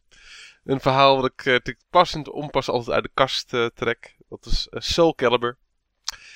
Deel 4, dat vind ik echt helemaal fantastisch. Daar heb ik echt eh, heel veel tijd in eh, gestoken. Heb ik ook online gespeeld. Had ik een eh, prachtig karakter van eh, voor gemaakt. En daar heb ik echt eh, heel veel eh, ja, mee gespeeld met dat karakter. En toen kwam Soul Calibur 5. En oh, oh, oh, wat een troep vind ik dat. Waarom, Steve? Want dat is natuurlijk de key. Waarom is Het- het troep? Ja, Het, het klopt niet. Het klopt niet. Het, het voelt niet goed. Ik, ehm, het is zo'n game met een. eh, t- het is zo'n fighter met een afschuwelijke story mode. Van dat je van karakter naar karakter hopt. Ja. Ehm, het, het verhaal het slaat helemaal nergens op. Eh, ze hebben allemaal karakters erbij gehaald. eh, die helemaal niet interessant zijn. Waarmee je verplicht wordt om, eh, om te spelen. Je komt er gewoon niet in. Soul Calibur had altijd zeg maar interessante one-player modes. Klopt. Eh, die eerste had het nog het meeste van allemaal. En ik geloof dat Soul Calibur 3 dat ook wel had. Maar dat is de enige die ik niet zo heel erg veel gespeeld heb. De eerste was dat je per personage het verhaal zeg maar uitspeelde en dan een eindverhaaltje kreeg, toch? Een, een, een, een, hoe het verder ging met die personage en zo. Dat je, Eh, ja, gewoon een arcade mode. Ja. En daarnaast had je zeg maar een soort van... eh, ja, challenge mode met allemaal uitdagingen. En eh, dat je zeg maar bepaalde vijanden moest verslaan met een, ehm, door ze uit de ring te slaan. Eh, het, of dat je alleen maar worpen mocht gebruiken, of dat soort dingen. Dat was best wel cool. Maar ehm, ja, hier had je zeg maar een hele geforceerde story mode. eh, geen leuke opdrachten. Eh, je moest alleen maar met een nieuwe karakters, met nieuwe karakters spelen. Die nieuwe karakters waren irritant, zowel qua moves als eh, qua uitstraling. Ik vond het gewoon helemaal niks. Nee. Ik vond helemaal niks. Nee, ik vond het gewoon niet leuk. En ik had ook het gevoel dat de gameplay ehm, geen positieve ja, verdere invulling had gekregen. Of ik eerder een stap terug. Want ook online of, of gewoon eh, op één op één battelen tegen de, tegen de computer, zeg maar, tegen een computerkarakter om, om beter te worden. Dat was ook, dat, daar zat het, het ook eh, niet in. Dat haalde je ook geen voldoening uit. Ja, dat weet ik niet eens meer. Ik was er niet gewoon binnen een dag klaar mee. Oké, dat is wel heel snel. Ja, ik had echt zoiets van eh, screw this shit, I'm going home. Oké. Dus ehm, nee, ik, ehm, ik heb hem in een doosje gedaan en er nooit meer uitgehaald. Ik vond het gewoon helemaal niks. Het viel me gewoon tegen. Het was gewoon niet wat ik ervan gehoopt en verwacht had. En ik vind hem gewoon kut. Hm. En ehm, heb ik daar een hele eh, gefundeerde mening voor? Nee, hij- hij voelde niet goed. Nou ja, het voelde dat, niet goed. Dat heb, dat heb je wel eens. Oké. Eh, Niels. Ik ben, ja, jij hebt me toch wel behoorlijk nieuwsgierig gemaakt met, eh, met, met wat je net allemaal zei. Met reeksen, en maar ook weer niet. En, en pak eens Ja. iets. Oké, nou laat ik beginnen met eh, praktisch de hele Resident Evil serie. Op Huh? deel 4 na. Oké. Gek genoeg is deel 4 mijn favoriete game van de Gamecube generatie. Gamecube, PlayStation, Xbox generatie. En eh, Resident Evil 1 heb ik, ik denk, zeven keer geprobeerd om in te komen. Ja. Ik heb Resident Evil 0 ook nog een keer gespeeld. Resident Evil 2 heb ik gespeeld. En Code Veronica. En hier komt het ding wat ik maar niet kan begrijpen. En wat mij elke keer afstoot van, de, van die serie. Ink Ribbons. Om te saven. Ja, om te saven inderdaad. Want ik wil het liefst gewoon mijn eigen tempo bepalen voor eh, hoe vaak ik het speel en in welke sessies, hoe lang die sessies zijn. En eigenlijk dwingt het spel een bepaald ritme van je af. En daar ja, kan ik slecht als je, tegen. als je eenmaal bij, natuurlijk wegloopt bij een typewriter. Ja, dan zal je door moeten tot de volgende, anders ben je de progressie kwijt. Of je moet terug. Ja, maar ik durf dan zelfs de volgende, bij de volgende nog niet te saven. Omdat ik bang ben dat ik dan geen ink ribbon meer heb voor het typewriter daarna. Want die moet je ook maar net vinden, hè? want ze zijn ook nog verstopt. Ja, maar is dat, dat, ja, dat is toch wel uitdaging? Of zie je dat niet als uitdaging, maar echt als een belemmering van je speelplezier? Ja, dat, Weet je, wat ik een uit, weet je wat ik een uitdaging vind in Resident Evil? Evil? Nou. Die cut controls, dat vind ik een uitdaging. dat ook. Ja, maar toch was dat niet iets wat mij stoorde. Ik vond dat toch wel. eh, en ook als ik het nu nog speel. Ik heb denk ik een maand of twee, drie geleden Resident Evil 1 nog eens een keertje een stukje zitten spelen. Ja, het is niet. Het is niet, zijn niet de beste controls die er zijn. Maar ja, het voegt wel iets toe voor het type gameplay, zeg maar. Om, omdat ook het, het wegrennen of het survivalen van, eh, van zombies of honden of wat dan ook. Heeft ook wel. De controls werken je soms wel een beetje tegen. Waardoor er toch ook een soort van paniek ontstaat. Ik vind dat eigenlijk wel goed gedaan. Dat had je bij 4 had je dat niet meer. Ja, ik begrijp dat wel van die controls. En eh, ik bedoel, Dark Souls is ook best een soort trage game. Ja. Eh, waar dat ook op die manier is uitgewerkt. Maar Dark Souls laat zich in ieder geval nog wel intuïtief besturen. Jawel, maar wel bij, andere, eh, andere tijdgeest, hè, Niels? Dat, dat is absoluut wel zo. Maar bij, eh, bij Resident Evil vocht ik tegen de controls. Ja. Omdat ze soms ook gewoon niet deden wat ik dacht dat ik van plan was te doen. Oké. En dan is er nog één klein puntje. En dat uit zich vooral in Code Veronica. En dat is die, die kisten waar je items achter kan laten. Daar werd ik wel op een gegeven moment een beetje flauw van. Want eh, je, bent, je blijft maar op en neer lopen. En ik snap wel, dat is realistischer. Want, eh, eh, want niemand kan een oneindige hoeveelheid spullen meenemen. Maar dan had ik liever gehad dat je gewoon één karakter had met een beperkte inventory. Dan dat je nu op en neer aan het wandelen bent tussen kisten en elke keer weer moet backtracken waar eigenlijk helemaal niks meer te doen is dan, behalve dat je een of ander item op wilt gaan halen. Voor replays maakt het misschien niet zoveel uit, maar als je voor de eerste keer het spel speelt en je weet gewoon duidelijk van ik heb dit item nu nodig voor weet ik wat, die deur, dan is dat elke keer op en neer rennen, ja, nutteloos.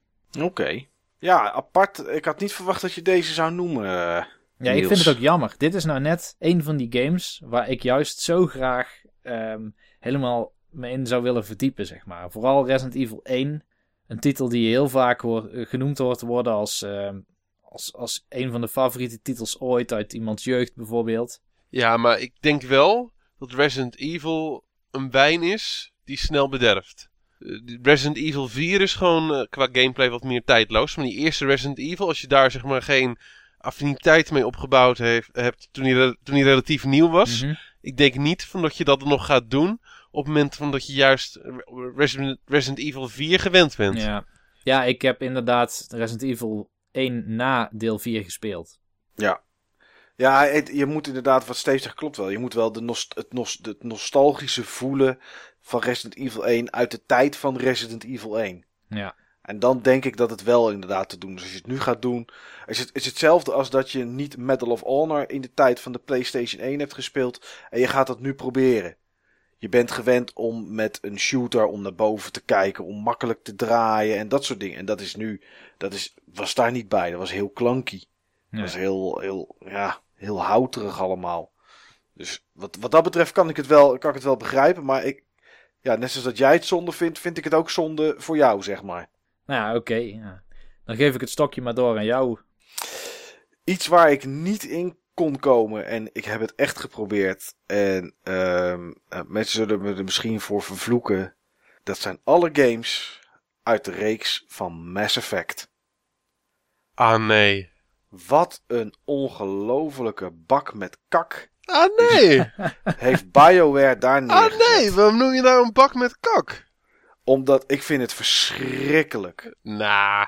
Ik vind het, ik vind het. eh, eh, ik weet niet of je wel eens. Ik weet niet of jij een tuin hebt, Steve. Nee, dat heb je niet. Je Ik hebt- heb je geen tuin, nee. Als je 's ochtends, als je een tuin hebt en je wordt wel eens wakker en je kijkt naar buiten. En eh, als het, een, als het een lentedag is of het is nog vroeg van een zomerdag. Dan zie je op de stenen zie je soms zo'n spoor van slijm waar een, sla, waar een slag Ja, heeft dat ken ik, dat ken ik, ja. Ja, ook wel eens, wordt ook wel eens een vergelijking gemaakt met een heftige nacht seks. Heb je ook een slakkenspoor in je huis. Dat is voor mij Mass Effect. Nou, echt. Je weet niet wat je zegt. Ja, ik weet zeker wat ik zeg. Ik ben Mass Effect 1 heb ik vier keer geprobeerd. De eerste keer op de Xbox 360 ben ik eraan begonnen. En op een gegeven moment dacht ik, pff, wat een hoop gezwam op niks af. Ik denk, weet je wat? Ik ga dat een andere keer proberen. Heb ik het weggelegd. Ik heb de Xbox 360 versie daarna een keer uitgeleend aan iemand. En ik zei, nou weet je, ik hoef hem ook niet meer terug. Hou maar joh. Toen ben ik begonnen op de PC. En ik zweer het je, Steve. Ik wil de, nu niet meer inmiddels, maar ik wilde het echt leuk vinden. Omdat ik kameraden heb die deel 1 12, 13 keer uit hebben gespeeld. eh, door zijn gegaan naar 2, elke keer andere keuzes maakten en weet ik wat allemaal. Ik ben een keer op een, op een avond, op een vrijdagavond begonnen aan deel 1. Ik ben gaan zitten, ik ben gaan spelen. En na 2,5 uur leek wel alsof iemand, ja, alsof iemand me elke keer met een kussen in mijn gezicht had geslagen. Ik was zo murf van heel die game. Heb ik het weggelegd. Ik heb het ooit nog een keer opnieuw geprobeerd. kwam ik ongeveer op hetzelfde. Nog steeds, kameraden van mij verklaarden me voor gek. En als ik Mass Effect niet tof zou vinden, dan, dan had ik geen verstand van games. En weet ik veel wat me allemaal toegegooid is. Toen ben ik een keer op een vakantie. Dacht ik, nou, ik ga nu spelen. En ik, ik blijf gewoon spelen. Of ik het nu leuk vind of niet. Want er moet dus blijkbaar een punt komen dat het leuk is. Nou, ik hou van RPG's. Ik hou van verhalen in RPG's. Ik ben met iedereen gaan praten, gaan kijken en gaan doen.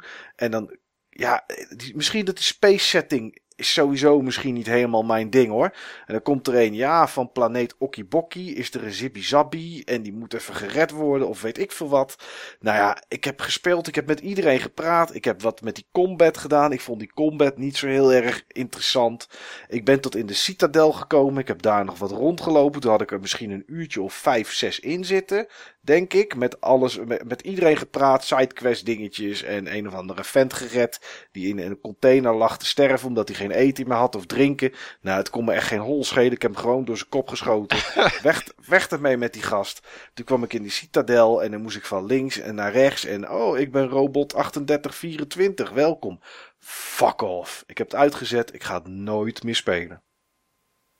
Jij hebt gewoon niet met genoeg, je hebt wow. gewoon niet met genoeg alien seks, seks gehad, Mike. Nee, Dat is nou, het probleem. Daar komt zeker ook dat slakkerspoor weer om de hoek kijken. Ja, nee, ja, ja. Echt, ik, nee, ik kan er niet in komen. Ik vind het verschrikkelijk. Echt, mijn Shepard heeft echt gepakt wat hij pakken kon. Ja, nou, mijn Shepard die heb ik op een gegeven moment zo in die citadel van boven naar beneden laten vallen. En daarna heb ik de game uitgezet.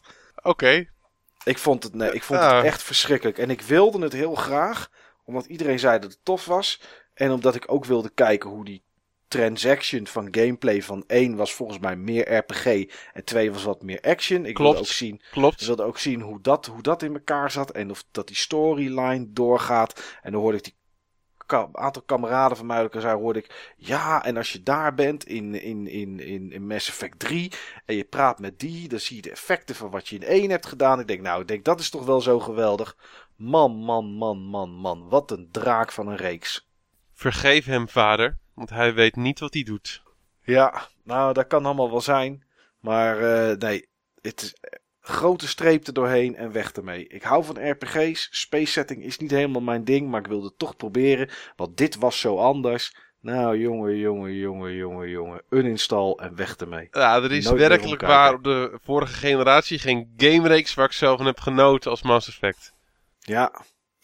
Ja, en je, Steve, je zou drie, vier uur op in kunnen praten waarom het zo geweldig is. Nee, het gaat niet werken, ik heb het al gevoeld. Nee, ik heb het al gemerkt. Nee, dat hebben er, er zijn er vele voor je geweest. Ik moet wel zeggen, het is wel een, een reeks die pas vanaf het tweede deel echt tot wasdom is gekomen. Dat eerste deel vond ik qua gameplay wat minder. Qua verhaal Mhm. niet, maar qua gameplay vond ik me echt wel wat minder dan deel 2 en deel 3. Maar eh, ja, het gaat hem niet worden. Nee. Jammer. Nee, nee, verschrikkelijk. Echt verschrikkelijk. Maar goed, Steve, jij hebt Ik, vast ik, zelf ben ook een nog wel beetje, iets. ik ben een beetje murm geslagen. Ja, nou, dan weet je hoe ik me voel als ik Mass Effect opstart. Ja, dan En moet ik ik eventjes wat shocking dingen eruit eh, gooien hoor. Dan zie ik Commander Shepard. Ach, jongen, die kop alleen al van die vent. Irritatie ten top. Bij mij is het een vrouw. Oh, ja, dan nog erger. Kan ook, hè? Ja, kan. Ja, oh. Je kan Oké. ook Shepard in maken. Nog wat games waar ik niet in kon komen. Kom maar op. GTA 4. Nou, ik zei het straks tegen Niels, de- toen was jij even wat te drinken halen. Toen zei ik, ik ben benieuwd of er games komen waar we het allemaal eh, hebben. Met Hidden Gems of met toppers hebben we dat wel eens. Dat we dezelfde soort games noemen. En ik dacht hier niet. Maar ik had de vier weggehaald en ik had sowieso de GTA's neergezet. Nou, GTA 4. En eh, ik denk dat ik het met GTA 5 niet eh, ga hebben. Maar ehm, GTA 4, waarom GTA 4? Geweldige game. Ik vind dat er zoveel sfeer in die game eh, zit. Ehm, ik vind de setting vind ik gewoon cool. De, dat je in zo'n auto rondrijdt en die radiostations. Als je een tv aanzet, de nep tv shows die je ziet, de commercials. Ze hebben gewoon echt een hele levende wereld gebouwd. Wat een parodie is op eh, de wereld zoals we die kennen. Ehm, maar wat is mijn grootste probleem met GTA 4? Als je een missie verkloot, en dat gebeurt nog wel eens. Dat je hem echt helemaal van, van het punt waar je vertrekt weer overnieuw mag doen. Dus dat je niet eventjes die missie kan doen op het punt dat de missie begint. Nee, nee, nee. Vanaf het moment dat je hem krijgt. Dat, je, eerst, eh, dat je eerst die hele stad rond mag rijden. Voordat je op het punt bent eh, dat je die liquor store moet, eh, moet overvallen. Of dat je zeg maar, die kraak moet, moet plegen. En dan ga je dood. En dan mag je weer van, van helemaal van, van vooraf aan beginnen. En dat vind ik echt niet respectvol voor, voor de tijd die het van mensen vraagt. Oké, nou dat vind ik wel. Maar, Steve, is dat dan iets waardoor. Ik snap dat je daardoor de game niet, niet tof vindt en dat je er niet in kon komen. Tenminste, je kon er op zich wel in komen, want de wereld vond je, vond je wel geweldig. Ja, maar kon niet in blijven. Nee, oké. Ja, je kon het niet uitspelen, want dit, dit was echt Het te irriteerde me. gamebreaking. Het irriteerde me. Het irriteerde me echt. En de nieuwe GTA heeft het ook niet. Nee, klopt. Dus, eh, en eh, Red Dead Revolver had het ook niet. Oh, dat Red Dead Revolver. Hmm. Dus eh, nee, ehm, Rockstar heeft ervan geleerd. En eh, ja, het, het is gewoon niet modern. Het is gewoon niet modern. En ehm, ja, ik, eh, ik weet ook zeker dat het niet meer terug gaat komen in toekomstige GTA's. En ik ben erg benieuwd naar GTA 5 en ik wil hem ook graag gaan spelen op het moment dat er een next-gen deel, dat een next-gen versie van is. Maar Ja. GTA 4, nee. Ik hoop voor je dat er nog een next-gen versie komt. Ik weet het vrij zeker.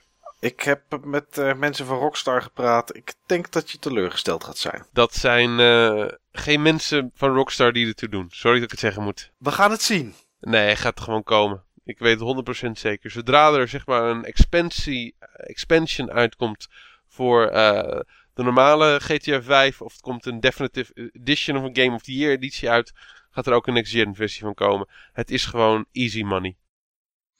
Ja, dat is het zeker. Maar Rockstar gaat niet altijd voor de easy money. Maar goed, we gaan het zien. Dat is toch koffiedik kijken. Ja. Maar goed, ik, Ik, moet eh, wel zeggen, er is ook geen PC-versie van Red Dead Redemption. Nee, maar die komt er wel van GTA 5. Dat kan ik je verzekeren. En dan is het inderdaad vrij makkelijk om te zeggen: er komt ook een next-gen versie. Ja, maar we gaan het zien. Maar goed, ik had het dus met alle GTA's. Daarvoor had ik ze opgeschreven. Eh, GTA 5 heb ik best wel tijd gespeeld. Een uurtje of 30 of zo. Maar toch is er niet iets dat mij dan op een gegeven moment eh, het laat uitspelen. En ik weet niet wat het is. Dat heb ik met alle GTA's. Ik vind het leuk om rond te rijden. Nou, eigenlijk niet. Ik vind het niet leuk om rond te rijden. Maar ik vind het wel leuk om overal een beetje te kijken. En dat vond ik bij Red Dead bijvoorbeeld. Dat misschien wel een.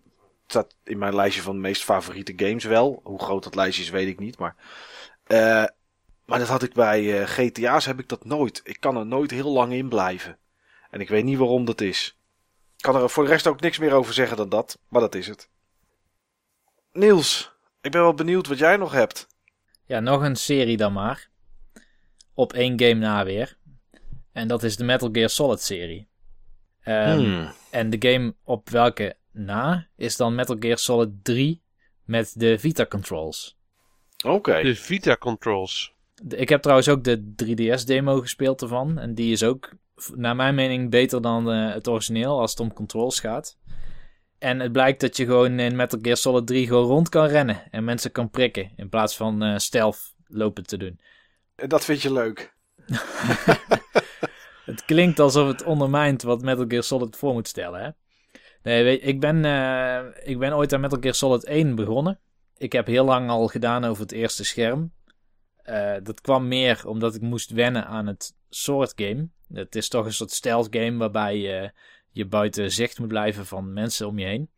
Maar wat mij enorm tegenviel aan het spel was eh, A, het verhaal. eh, dat redelijk in je gezicht wordt geduwd. Waar je ook niet aan kan het- ontsnappen. je kan daar niet aan ontsnappen. Maar wat ook nog eens vreemd is, is in de cutscenes kan Solid Snake alles. Zeg maar. Hij kan eh, radslagen maken over eh, raketten, ik noem maar wat. In de game kan hij helemaal niks. Echt helemaal niks. En dat vind ik nogal een groot Zo verschil. heb ik er nog nooit bekeken, maar ik snap het direct. Ja, ik ook. Ja, hij wordt neergezet als een onwijze actionheld. Die een soort acrobatische toeren en dat soort dingen uit kan halen. Maar in de game is het vaker houten Klaas. Die, die in een kartonnen doosje moet gaan schuilen. En ik, ik wil niet zeggen dat ik het slechte games vind. Want ik, ik, er zit iets. Iets wat mij ook boeit. Maar ik kom er gewoon niet in door die kneuzigheid, zeg maar, van het spel. Ook wat, hoe al die poppetjes heten en zo. Het, het probeert zichzelf heel erg serieus te nemen en tegelijk ook weer niet. Ja, jeetje. Ja, ik heb er niet zo, kan er niet zo heel veel eigenlijk op, eh, op inbrengen eigenlijk. Dat is misschien wel het, meest erge nog. Dat ik, ik snap het wel. Ja, Ja, dat had ik met jou net ook bij, eh, bij Mass Effect. Ik snap hem ook. Maar ik ben ook niet zo fan van stealth games. Ik heb dat Hmm. eigenlijk meer met het genre. Dat ik daar nooit in heb kunnen komen. Nou ja, iets als Splinter Cell, de eerste voor de Xbox, dat vond ik wat dat betreft fijner spelen. Het was ook vooral gameplay en heel weinig cutscene en zo. Ja.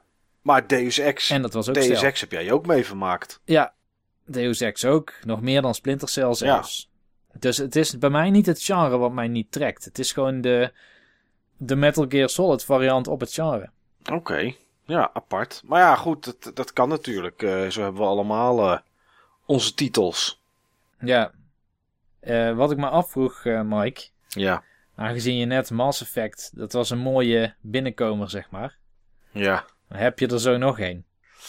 Nou, ik heb het eh, ook een beetje de laatste tijd met, eh, met alles dat Naughty Dog maakt. En dan met name de laatste twee games. En dan wil ik eigenlijk Uncharted 3 wil ik daar eigenlijk uithalen.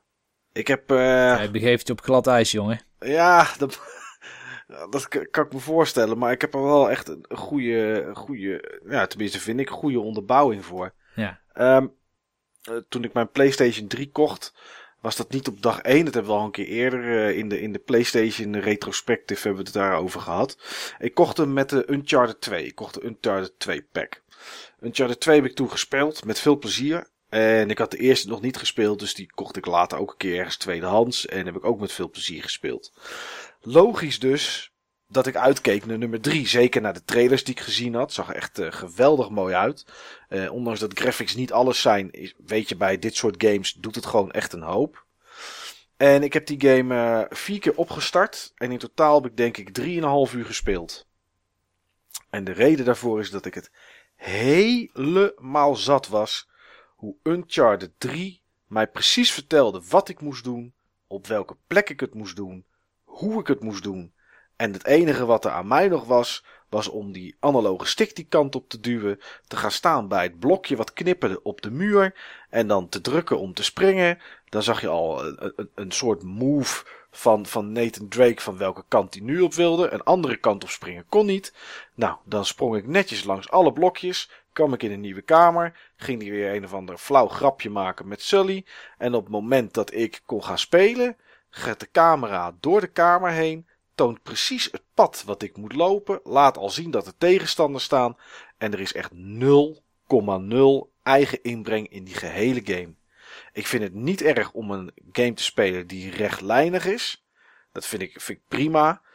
Maar laat me eh, iets zelf doen. Ik bedoel, de, de uitdaging zit toch niet alleen in het neerschieten van die poppetjes. Wat ook echt, ja goed, zeker in het begin voor de eerste patches waren die wapens waren ook echt om te huilen gewoon. Maar goed, het enige, de enige uitdaging die er zat was het neerschieten van de, van, van de tegenstanders.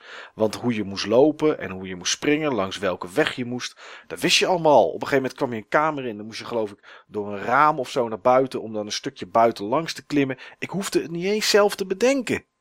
Ik hoefde niet eens een klein beetje te puzzelen. Nee, de game gaf het van tevoren al aan.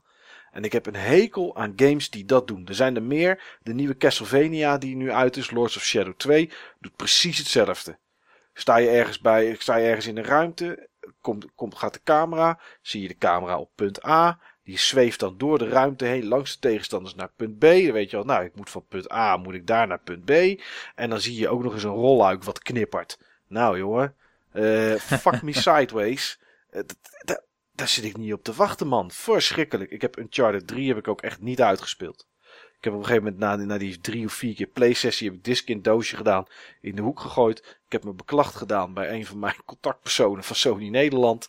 Ik zei, wat, wat, wat heb je hier in godsnaam uitgebracht? Die zei, daar speel nou maar verder. Want na, eh, wat, vlak waar jij zit, daarna wordt het tof. Ik denk, ja, screw you. Nee ik vond dat echt verschrikkelijk. Deel 2 was ook rechtlijnig, maar had je nog een beetje dat je af en toe wat kon lopen en, en, en linksom of rechtsom kon. Hè, nog een beetje, beetje het gevoel dat je zelf iets deed of dat je het ah, nut had wat je deed of iets uithaalde, had ik bij deel 3 helemaal niet. Verschrikkelijk. Te veel een film geworden. Ja, het was gewoon, weet je, weet je waar het een beetje op leek? Op die Don Bluth games van vroeger, Dragon's Lair Geweldig. en Space Ace. Of Ace Spa ja, maar Space die waren Ace. voor die tijd cool. Ja, want je wist niet welke, welke knop je moest drukken of welke kant je op moest doen. Het ging om reactievermogen. En daar gingen we een gulden. Ja, en het uit je hoofd leren van, van hè, moet ik nu links drukken of rechts drukken en die hele sequence. En als je hem wist, dan kon je met de 20 bewegingen of 25 bewegingen die hele game uitspelen. Maar dit, nee, ik vind het, uh, ik, nee, ik vind het echt niks. En dat, ik zei aan het begin, Naughty Dogs games van de laatste tijd. Ik had hetzelfde met The Last of Us. Verhaal heel tof, maar we hebben het al vaker over gehad. Dus ga ik nu doen. Maar die gameplay, ja, te herhalend, te veel. Nee. Maar goed, Uncharted 3, een, uh, een van mijn games Helder. waar ik echt niet Helder. uitkwam. Nou, duidelijk. Dus ik kijk wel uit naar Uncharted 4 hoor, voor de PlayStation 4. Ik ben benieuwd wat ze gemaakt hebben, maar uh, nee. Uh, Steve, ben benieuwd. Heb jij nog iets dat je zegt, nou dit moet ik in ieder geval, al is het maar de naam even genoemd hebben deze uitzending? Ja, een paar. Nou, kom maar op. Even snel. Wat me trouwens opvalt is dat ik er best wel veel moderne games uh, voor geselecteerd had. Maar ik heb ook best wel veel games uh, gekocht, zeg maar, bij de vorige generatie. En uh, ja, dat resulteert er ook gewoon in dat er veel blijft liggen. Maar in ieder geval drie games die ik aan hetzelfde rijtje toe kan voegen. Banjo-Kazooie Nuts and Bolts. Ja, snap ik. Nou, wat een troep is dat, joh. Echt de, de, de naam Banjo-Kazooie niet waard. Nee. Uh, Prince of Persia. Dan heb ik het over die remake van Prince of Persia waarin je niet dood kan gaan. Oh, ja, die. Oh, ja, ja. waarin dat, dat vrouwtje je elke keer redt. Ja, dat is echt uh, de beste manier om een game echt spannend te maken. Ja, maakt niet uit joh als je valt. Red ik je toch? Nee joh, ik ben er voor je. Ja, dus, uh, ja echt. Ik, ik, wou dat dat in het echte leven eens een keer zou gebeuren. Maar ja, dan laten ze hem ook altijd keihard vallen. Ik vind het helemaal niks. Nee. Nee, ik, uh, ik vond het gewoon niet leuk. Snap ik helemaal. En een game waarvan ik zeker weet dat ik hem wel leuk zou vinden, maar die gewoon op de stapel terechtgekomen is omdat er andere dingen voorbij uh, kwamen. En waarbij ik hem iets te moeilijk had gemaakt omdat ik hem per se op hard mode wou gaan spelen voor achievements en de combat toch wel behoorlijk pittig is. Batman Arkham Asylum. Oh, Steve. Daar gaat hij. Dat gevoel wat jij had bij, bij, bij Mass Effect straks. Ja, ja, ik moest je op de een of andere manier terugpakken. Maal 10. Maal 10 zelfs. Maal 10. Het, dit kan, het kan niet, zoals ik jou ken, kan je niet zeggen dat je niet in dit, deze game. Nou, ik, heb, ik kan niet eens op woorden komen. Ik kan niet geloven dat je niet in die game zou kunnen komen. Nee, ik zei... Wat een geweldige game. Ik zeg ook niet dat ik er niet in zou kunnen komen. Ik zeg alleen dat ik er niet in zat en in kon komen op dat moment.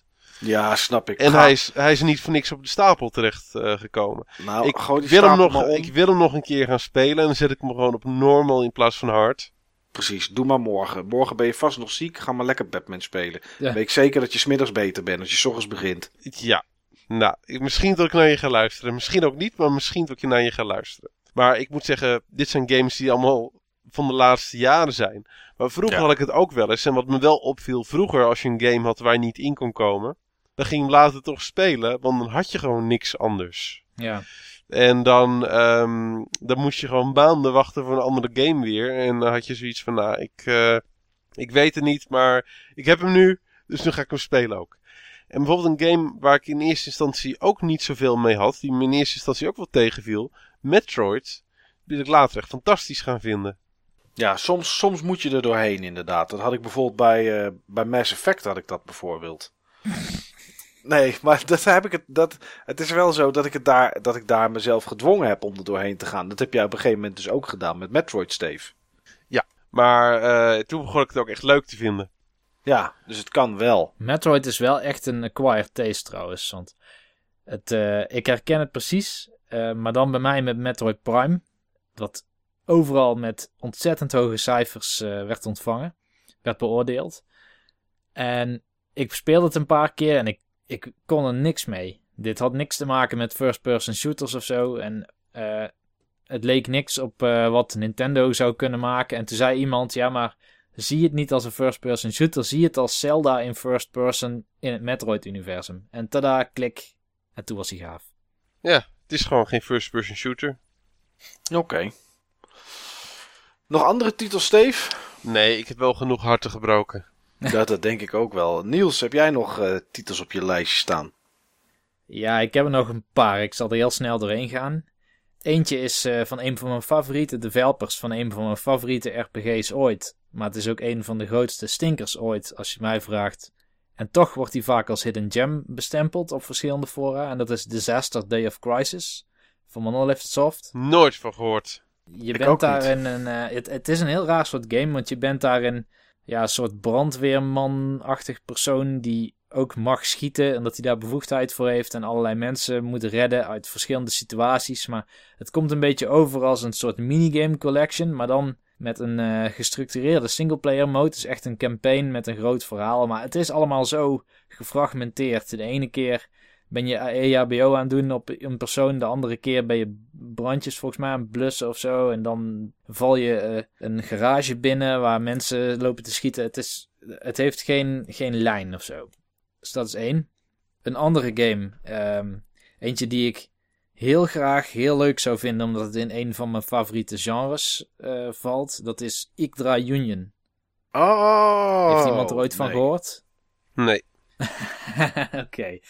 Nou, dat is van Atlas, een strategy RPG. eh, het kwam redelijk snel na de craze van Fire Emblem. Nadat Fire Emblem dus groot werd in, in het westen.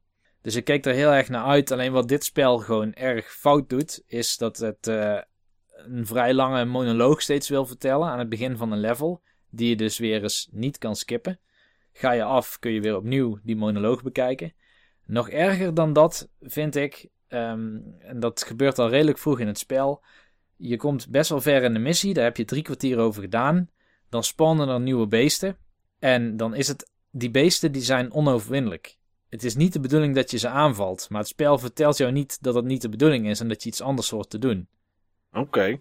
Dus na keer op keer afgegaan te zijn, weer die lange monoloog hebben zitten kijken, eh, heb ik toch maar een walkthrough erbij gepakt. Er staat, ja, lopen gewoon van weg. En na vier beurten verdwijnen ze weer, of iets dergelijks. Ja, dat vind ik slecht game design. En ik had ook geen zin om, als, het game, als de game in zo'n vroeg stadium al met zoiets flauws komt, om het dan door te zetten. En de laatste game die ik heb is een retro game. Eh, eentje die ook heel hoog beoordeeld wordt. Eh, dat is The Battle for Olympus. Ja, had ik ook. Ja, had dat, je die dat, ook? dat sto- ja, de, geweldig joh. Die had ik ook nog op mijn lijstje gezet, maar was ik gewoon vergeten. ja. Dat was er ook eentje. Ik vond hem wel hartstikke. Eigenlijk kon ik er wel inkomen, vond hem hartstikke leuk. Maar ik kwam gewoon niet voorbij dat stomme, stomme labyrint.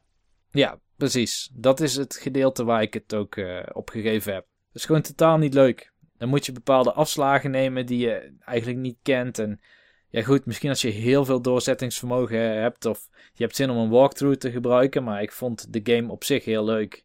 En de walkthrough had je niet nodig tot dat punt. Ja, ik heb geen idee of dat er nog meer van dat soort punten in de game zitten. Maar ik vind het niet waard om het door te zetten.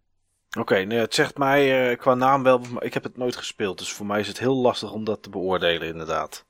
Het doet een beetje aan als een soort Zelda 2. Oké. Ehm Ja, maar wel echt een minder goede, minder goede Zelda 2 hoor. Oh, absoluut. Ja. Maar goed, dat waren mijn eh, games even snel zo. Heb je nog iets eh, om mee af te sluiten? Iets moois? Ehm, iets waar ik nooit in kon komen en waar ik ook van baalde was Okami. Dat was eh, toch een game die ik heel graag heel leuk wilde vinden. En die ik Hmm. toch nog wel een keer zou willen proberen. Het is wel op zich wel ergens een soort van classic geworden. Eh, het idee met die kwast en met die wolf en de stijl en zo bevalt me wel. Maar op een of andere manier greep het me niet. En ik heb nooit echt de vinger erop kunnen leggen waardoor het komt. Misschien eh, nou, nu ik wat ouder en wat wijzer ben, dat ik dat nog eens een keer, eh, een keer zou moeten proberen. Ehm, een andere game waar ik niet in kon komen was een game die eh, Niels de vorige keer besproken had. Dat was Broken Age. De nieuwe, de nieuwe adventure van Tim Schafer van zijn Double Fine. En ik bemerkte daarmee dat ik heel langzaam dat eigenlijk bij alle games krijg van Double Fine.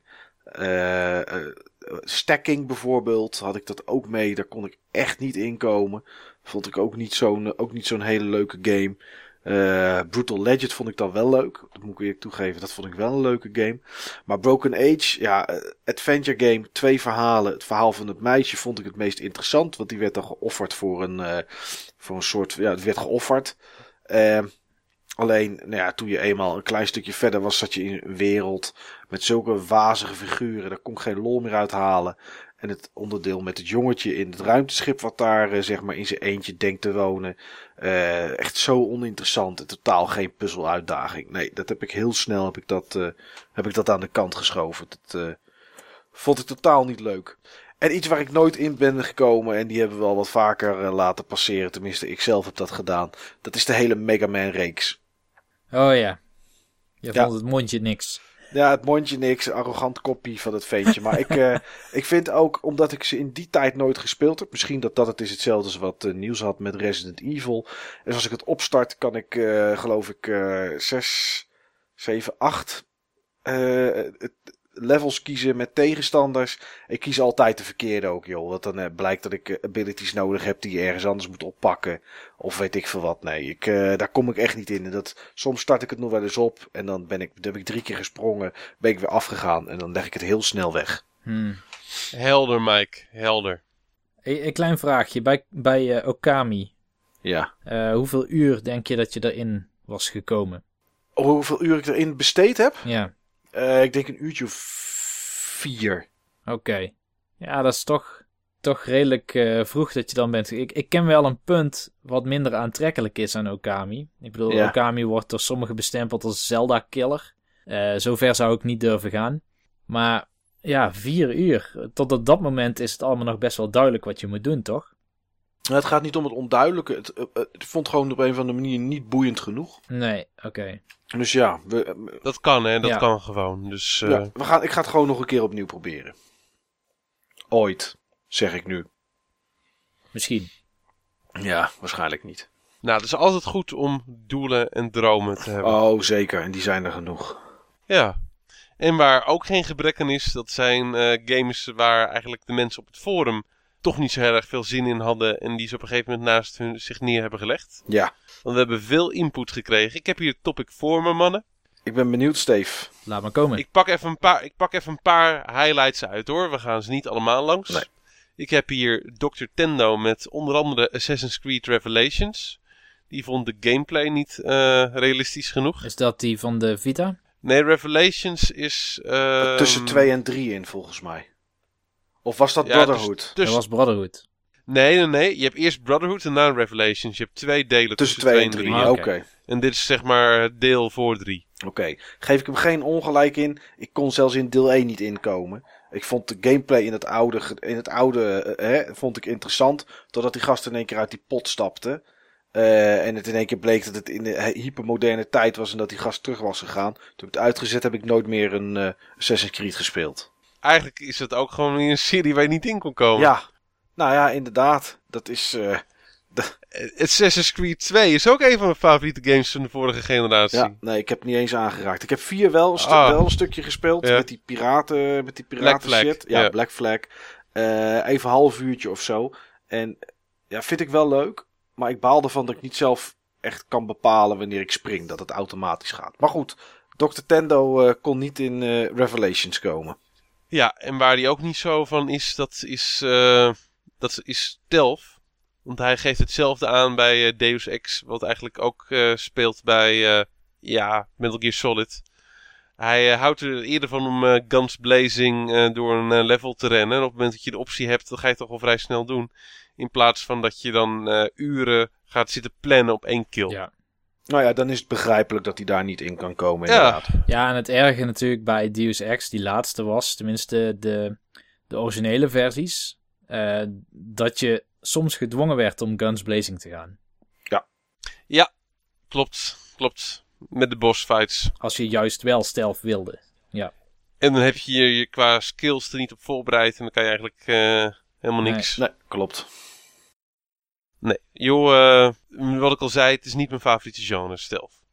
Ehm, wat verder genoemd wordt, in ieder geval door één persoon, misschien ook door meerdere personen, maar dat zien we zo meteen. Skyward Sword, Zelda Skyward Sword, door, eh, door Sander, Sander 1310. Ja, had ik ook.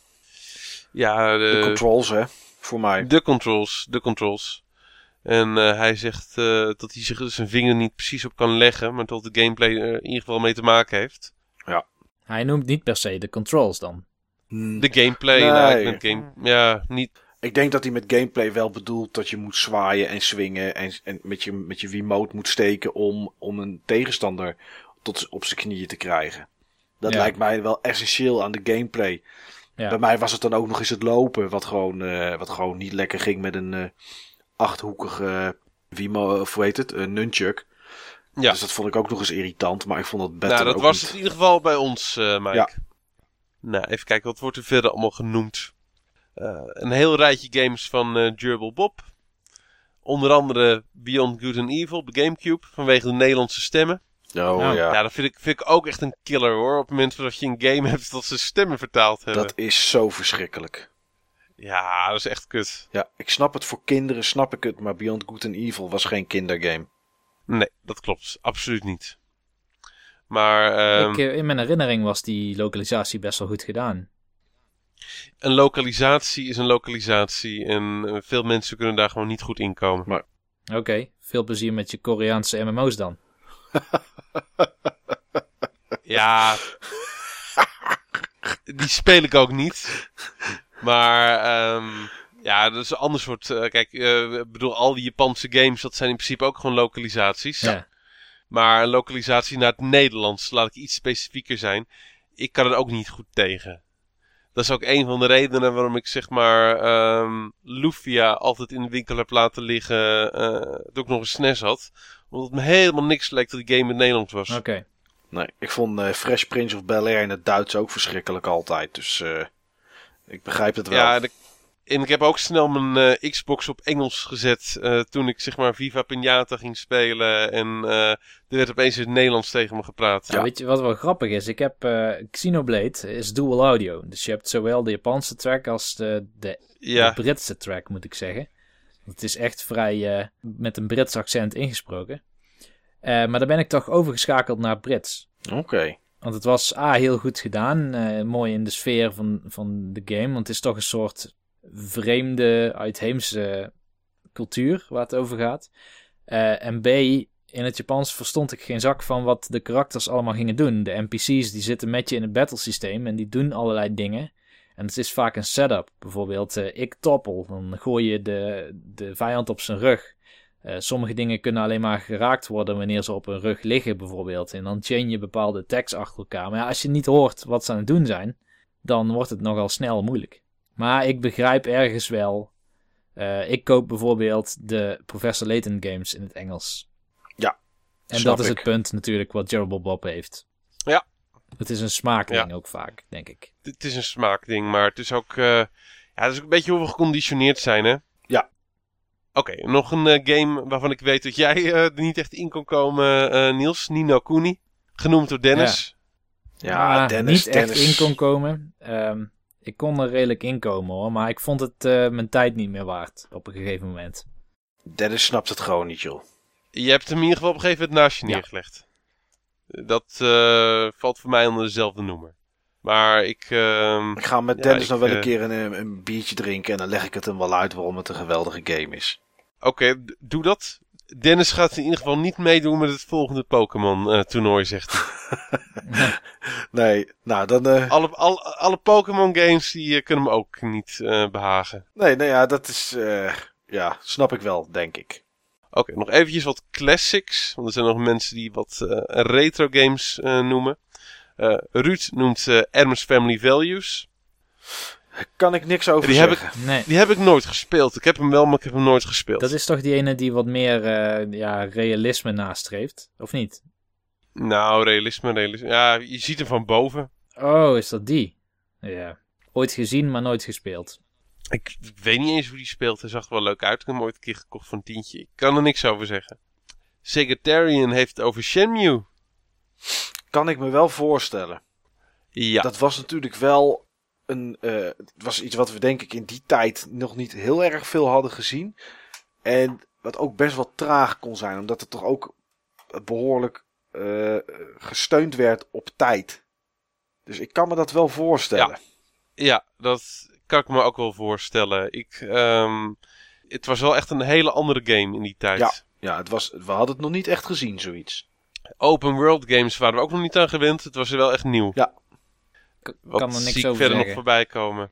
Jouw, eh, jouw maat Nestrunner, eh Niels. Wind Waker. Nou, dat kan echt niet. Wat een geweldige game. Volgens mij had hij toen gewoon een Zelda Burnout. Want hij is een keer op een Zelda buying spree gegaan. Hij heeft in een hele korte tijd bijna alle Zelda games gekocht, omdat hij Cosmo zag Ja. winnen.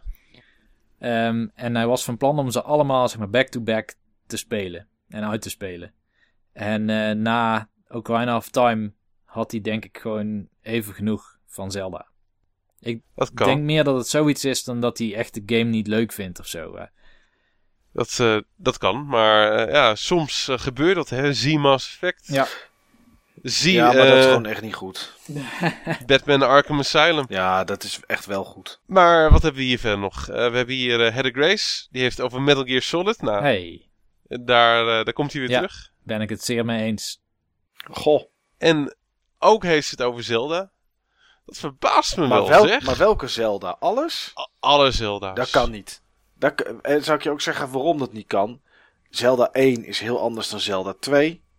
Eh, Link to the Past is heel anders dan, eh dan de Wind Waker.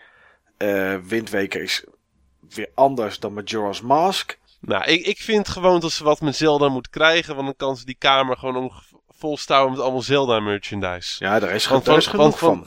Van Zelda is er niet zoveel merchandise. Nee. Nee. Maar het, het- ik vind het wel heel raar. Want het is, eh, die gameplay is niet elke keer hetzelfde.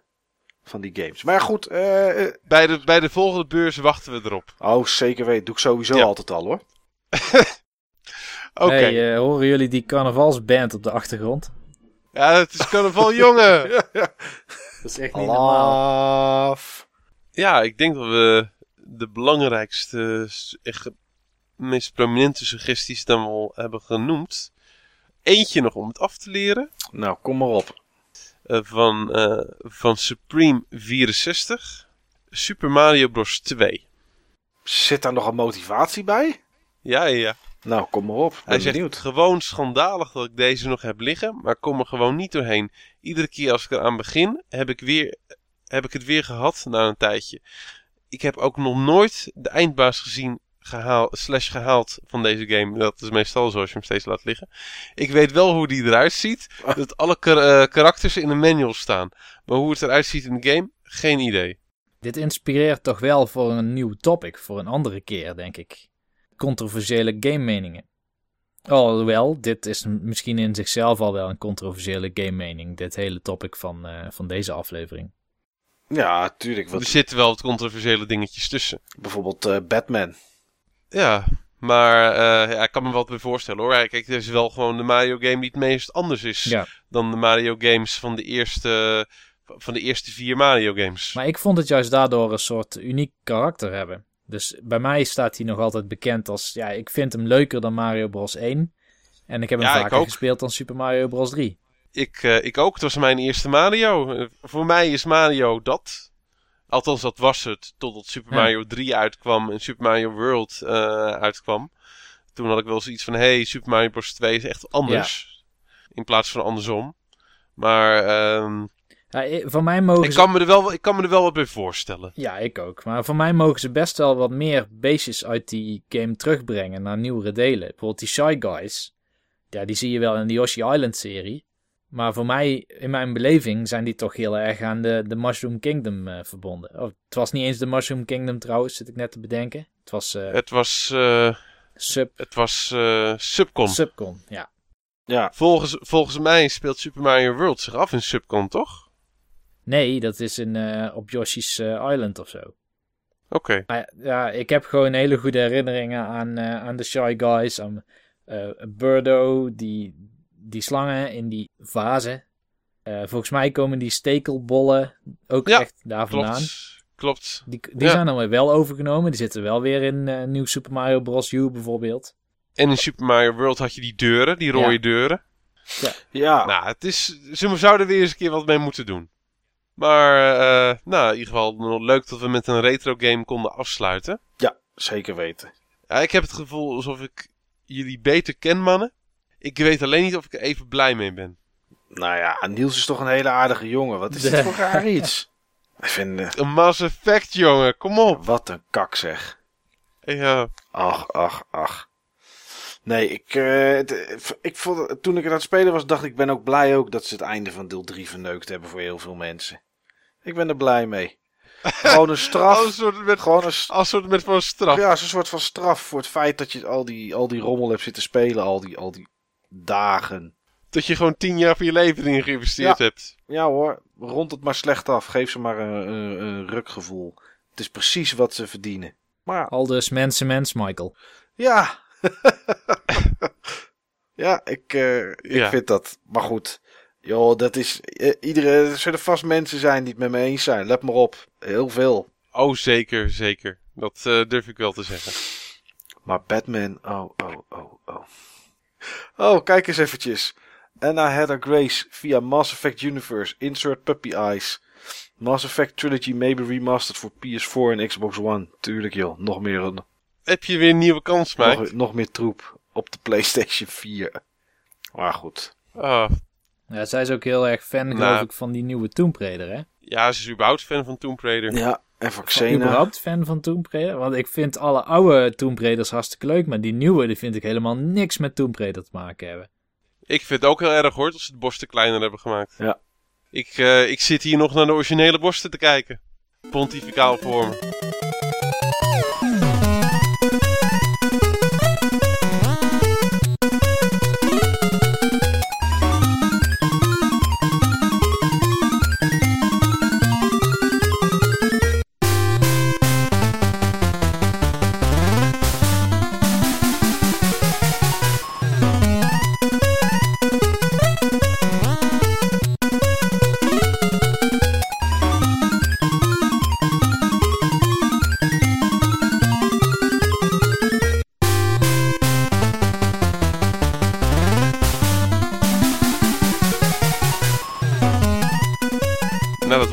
Weer een eh, controversiële uitzending, mensen. Ja, ik denk wel dat we hier en daar een paar teentjes hebben getrapt. Oh, vast en zeker. En niet expres, hè. Wel gewoon omdat we dit echt vinden. Puur door te zijn wie we zijn. Ja. Wat zijn wij zuur met z'n drieën. Soms wel. Ja. Vaak niet, soms wel. Ben je al een beetje bijgekomen van Mass Effect? Ik, mijn, eh, mijn hart is nog steeds gebroken. Maar ik denk wel dat ik het de komende tijd voor de nieuwe uitzending kan gaan lijmen. Nou, mooi. Anders heb ik daar wel een beetje slakkenslijm voor. Oh, dat is goed. dat is goed. Dat, dat, dat helpt ook altijd wel. Ja. Ja. Oh man. Dus ehm, ja, in ieder geval de komende uitzending. De uitzending met dat we een jaar samen zijn. Ja. Oeh. Oeh, spannend. Dan eh, heb ik rozenblaadjes op jullie bedjes. Oh. Ja, en eh, natuurlijk een eh, spannend champagne ontbijtje op Ja. bed. En een reepje chocola met een hartje Een erop. reepje chocola. En hebben we een leuk onderwerp. Ja. Wat ook eh, weer erg retro is. Zeker. En eh, jij mag het zeggen, Niels. Eh, dat is eh, vergeten karakters en series. Ja. Is die aangedragen door de community? eh, weet ik niet. Volgens mij wel. Volgens mij ook. Ik weet eventjes niet meer door wie. Maar dat maakt, dat maakt ook niet uit, want de community zijn we allemaal. Nou, dat is toch... eh, dat klopt. Ja. Maar, en vooral ook... En, en, en net, net als de Borg gaan we gewoon op in het geheel, in het collectief. Ja. En het zou leuk zijn als we inderdaad dan ook, eens, ook daarbij in, in ogenschouw zouden nemen of je die nu nog terug zou willen zien. Of dat het misschien zo moest blijven. Dat is eh, niet geheel onbelangrijk bij vergeten karakters. Terecht vergeten of niet terecht vergeten. Ja. Zeker weten. Ik Ja. ben benieuwd waar we mee komen en waar eh, de mensen op het forum mee komen. Zeker. Dus eh, ik denk dat we wel een paar mooie karakters kunnen gaan opgraven uit de krochten van de gamewereld. Zeker weten. Oh, er zijn er zoveel. En voor nu, mannen, denk ik van dat, eh, dat we elkaar weer een afscheid moeten wensen. Naar deze heftige, heftige discussies. Zeker weten. Maar we gaan altijd als vrienden uit elkaar. Gelukkig wel. Ondanks wat elkaar soms aandoen. Ja. Ja, dat is ook Ja. Dat is ook liefde, inderdaad. Ja. Dat is eigenlijk de enige vorm van liefde die ik ken. Nou, ik ben blij dat wij jou dat twee wekelijks kunnen geven. ja, ja, precies, precies. Nou, man, het was weer leuk. Zeker ik hoop- weten. Ik hoop dat de mensen die het horen het ook leuk vinden. En ehm, ja, dat we dit alweer bijna een jaar doen, joh. Gaat hard, hè? Gaat Ja, hard. tijd Echt, vliegt. Waar, waar, waar is dat jaar naartoe? Nou, op naar de komende uitzending. Op naar ons eerste jubileum. Tot de volgende keer.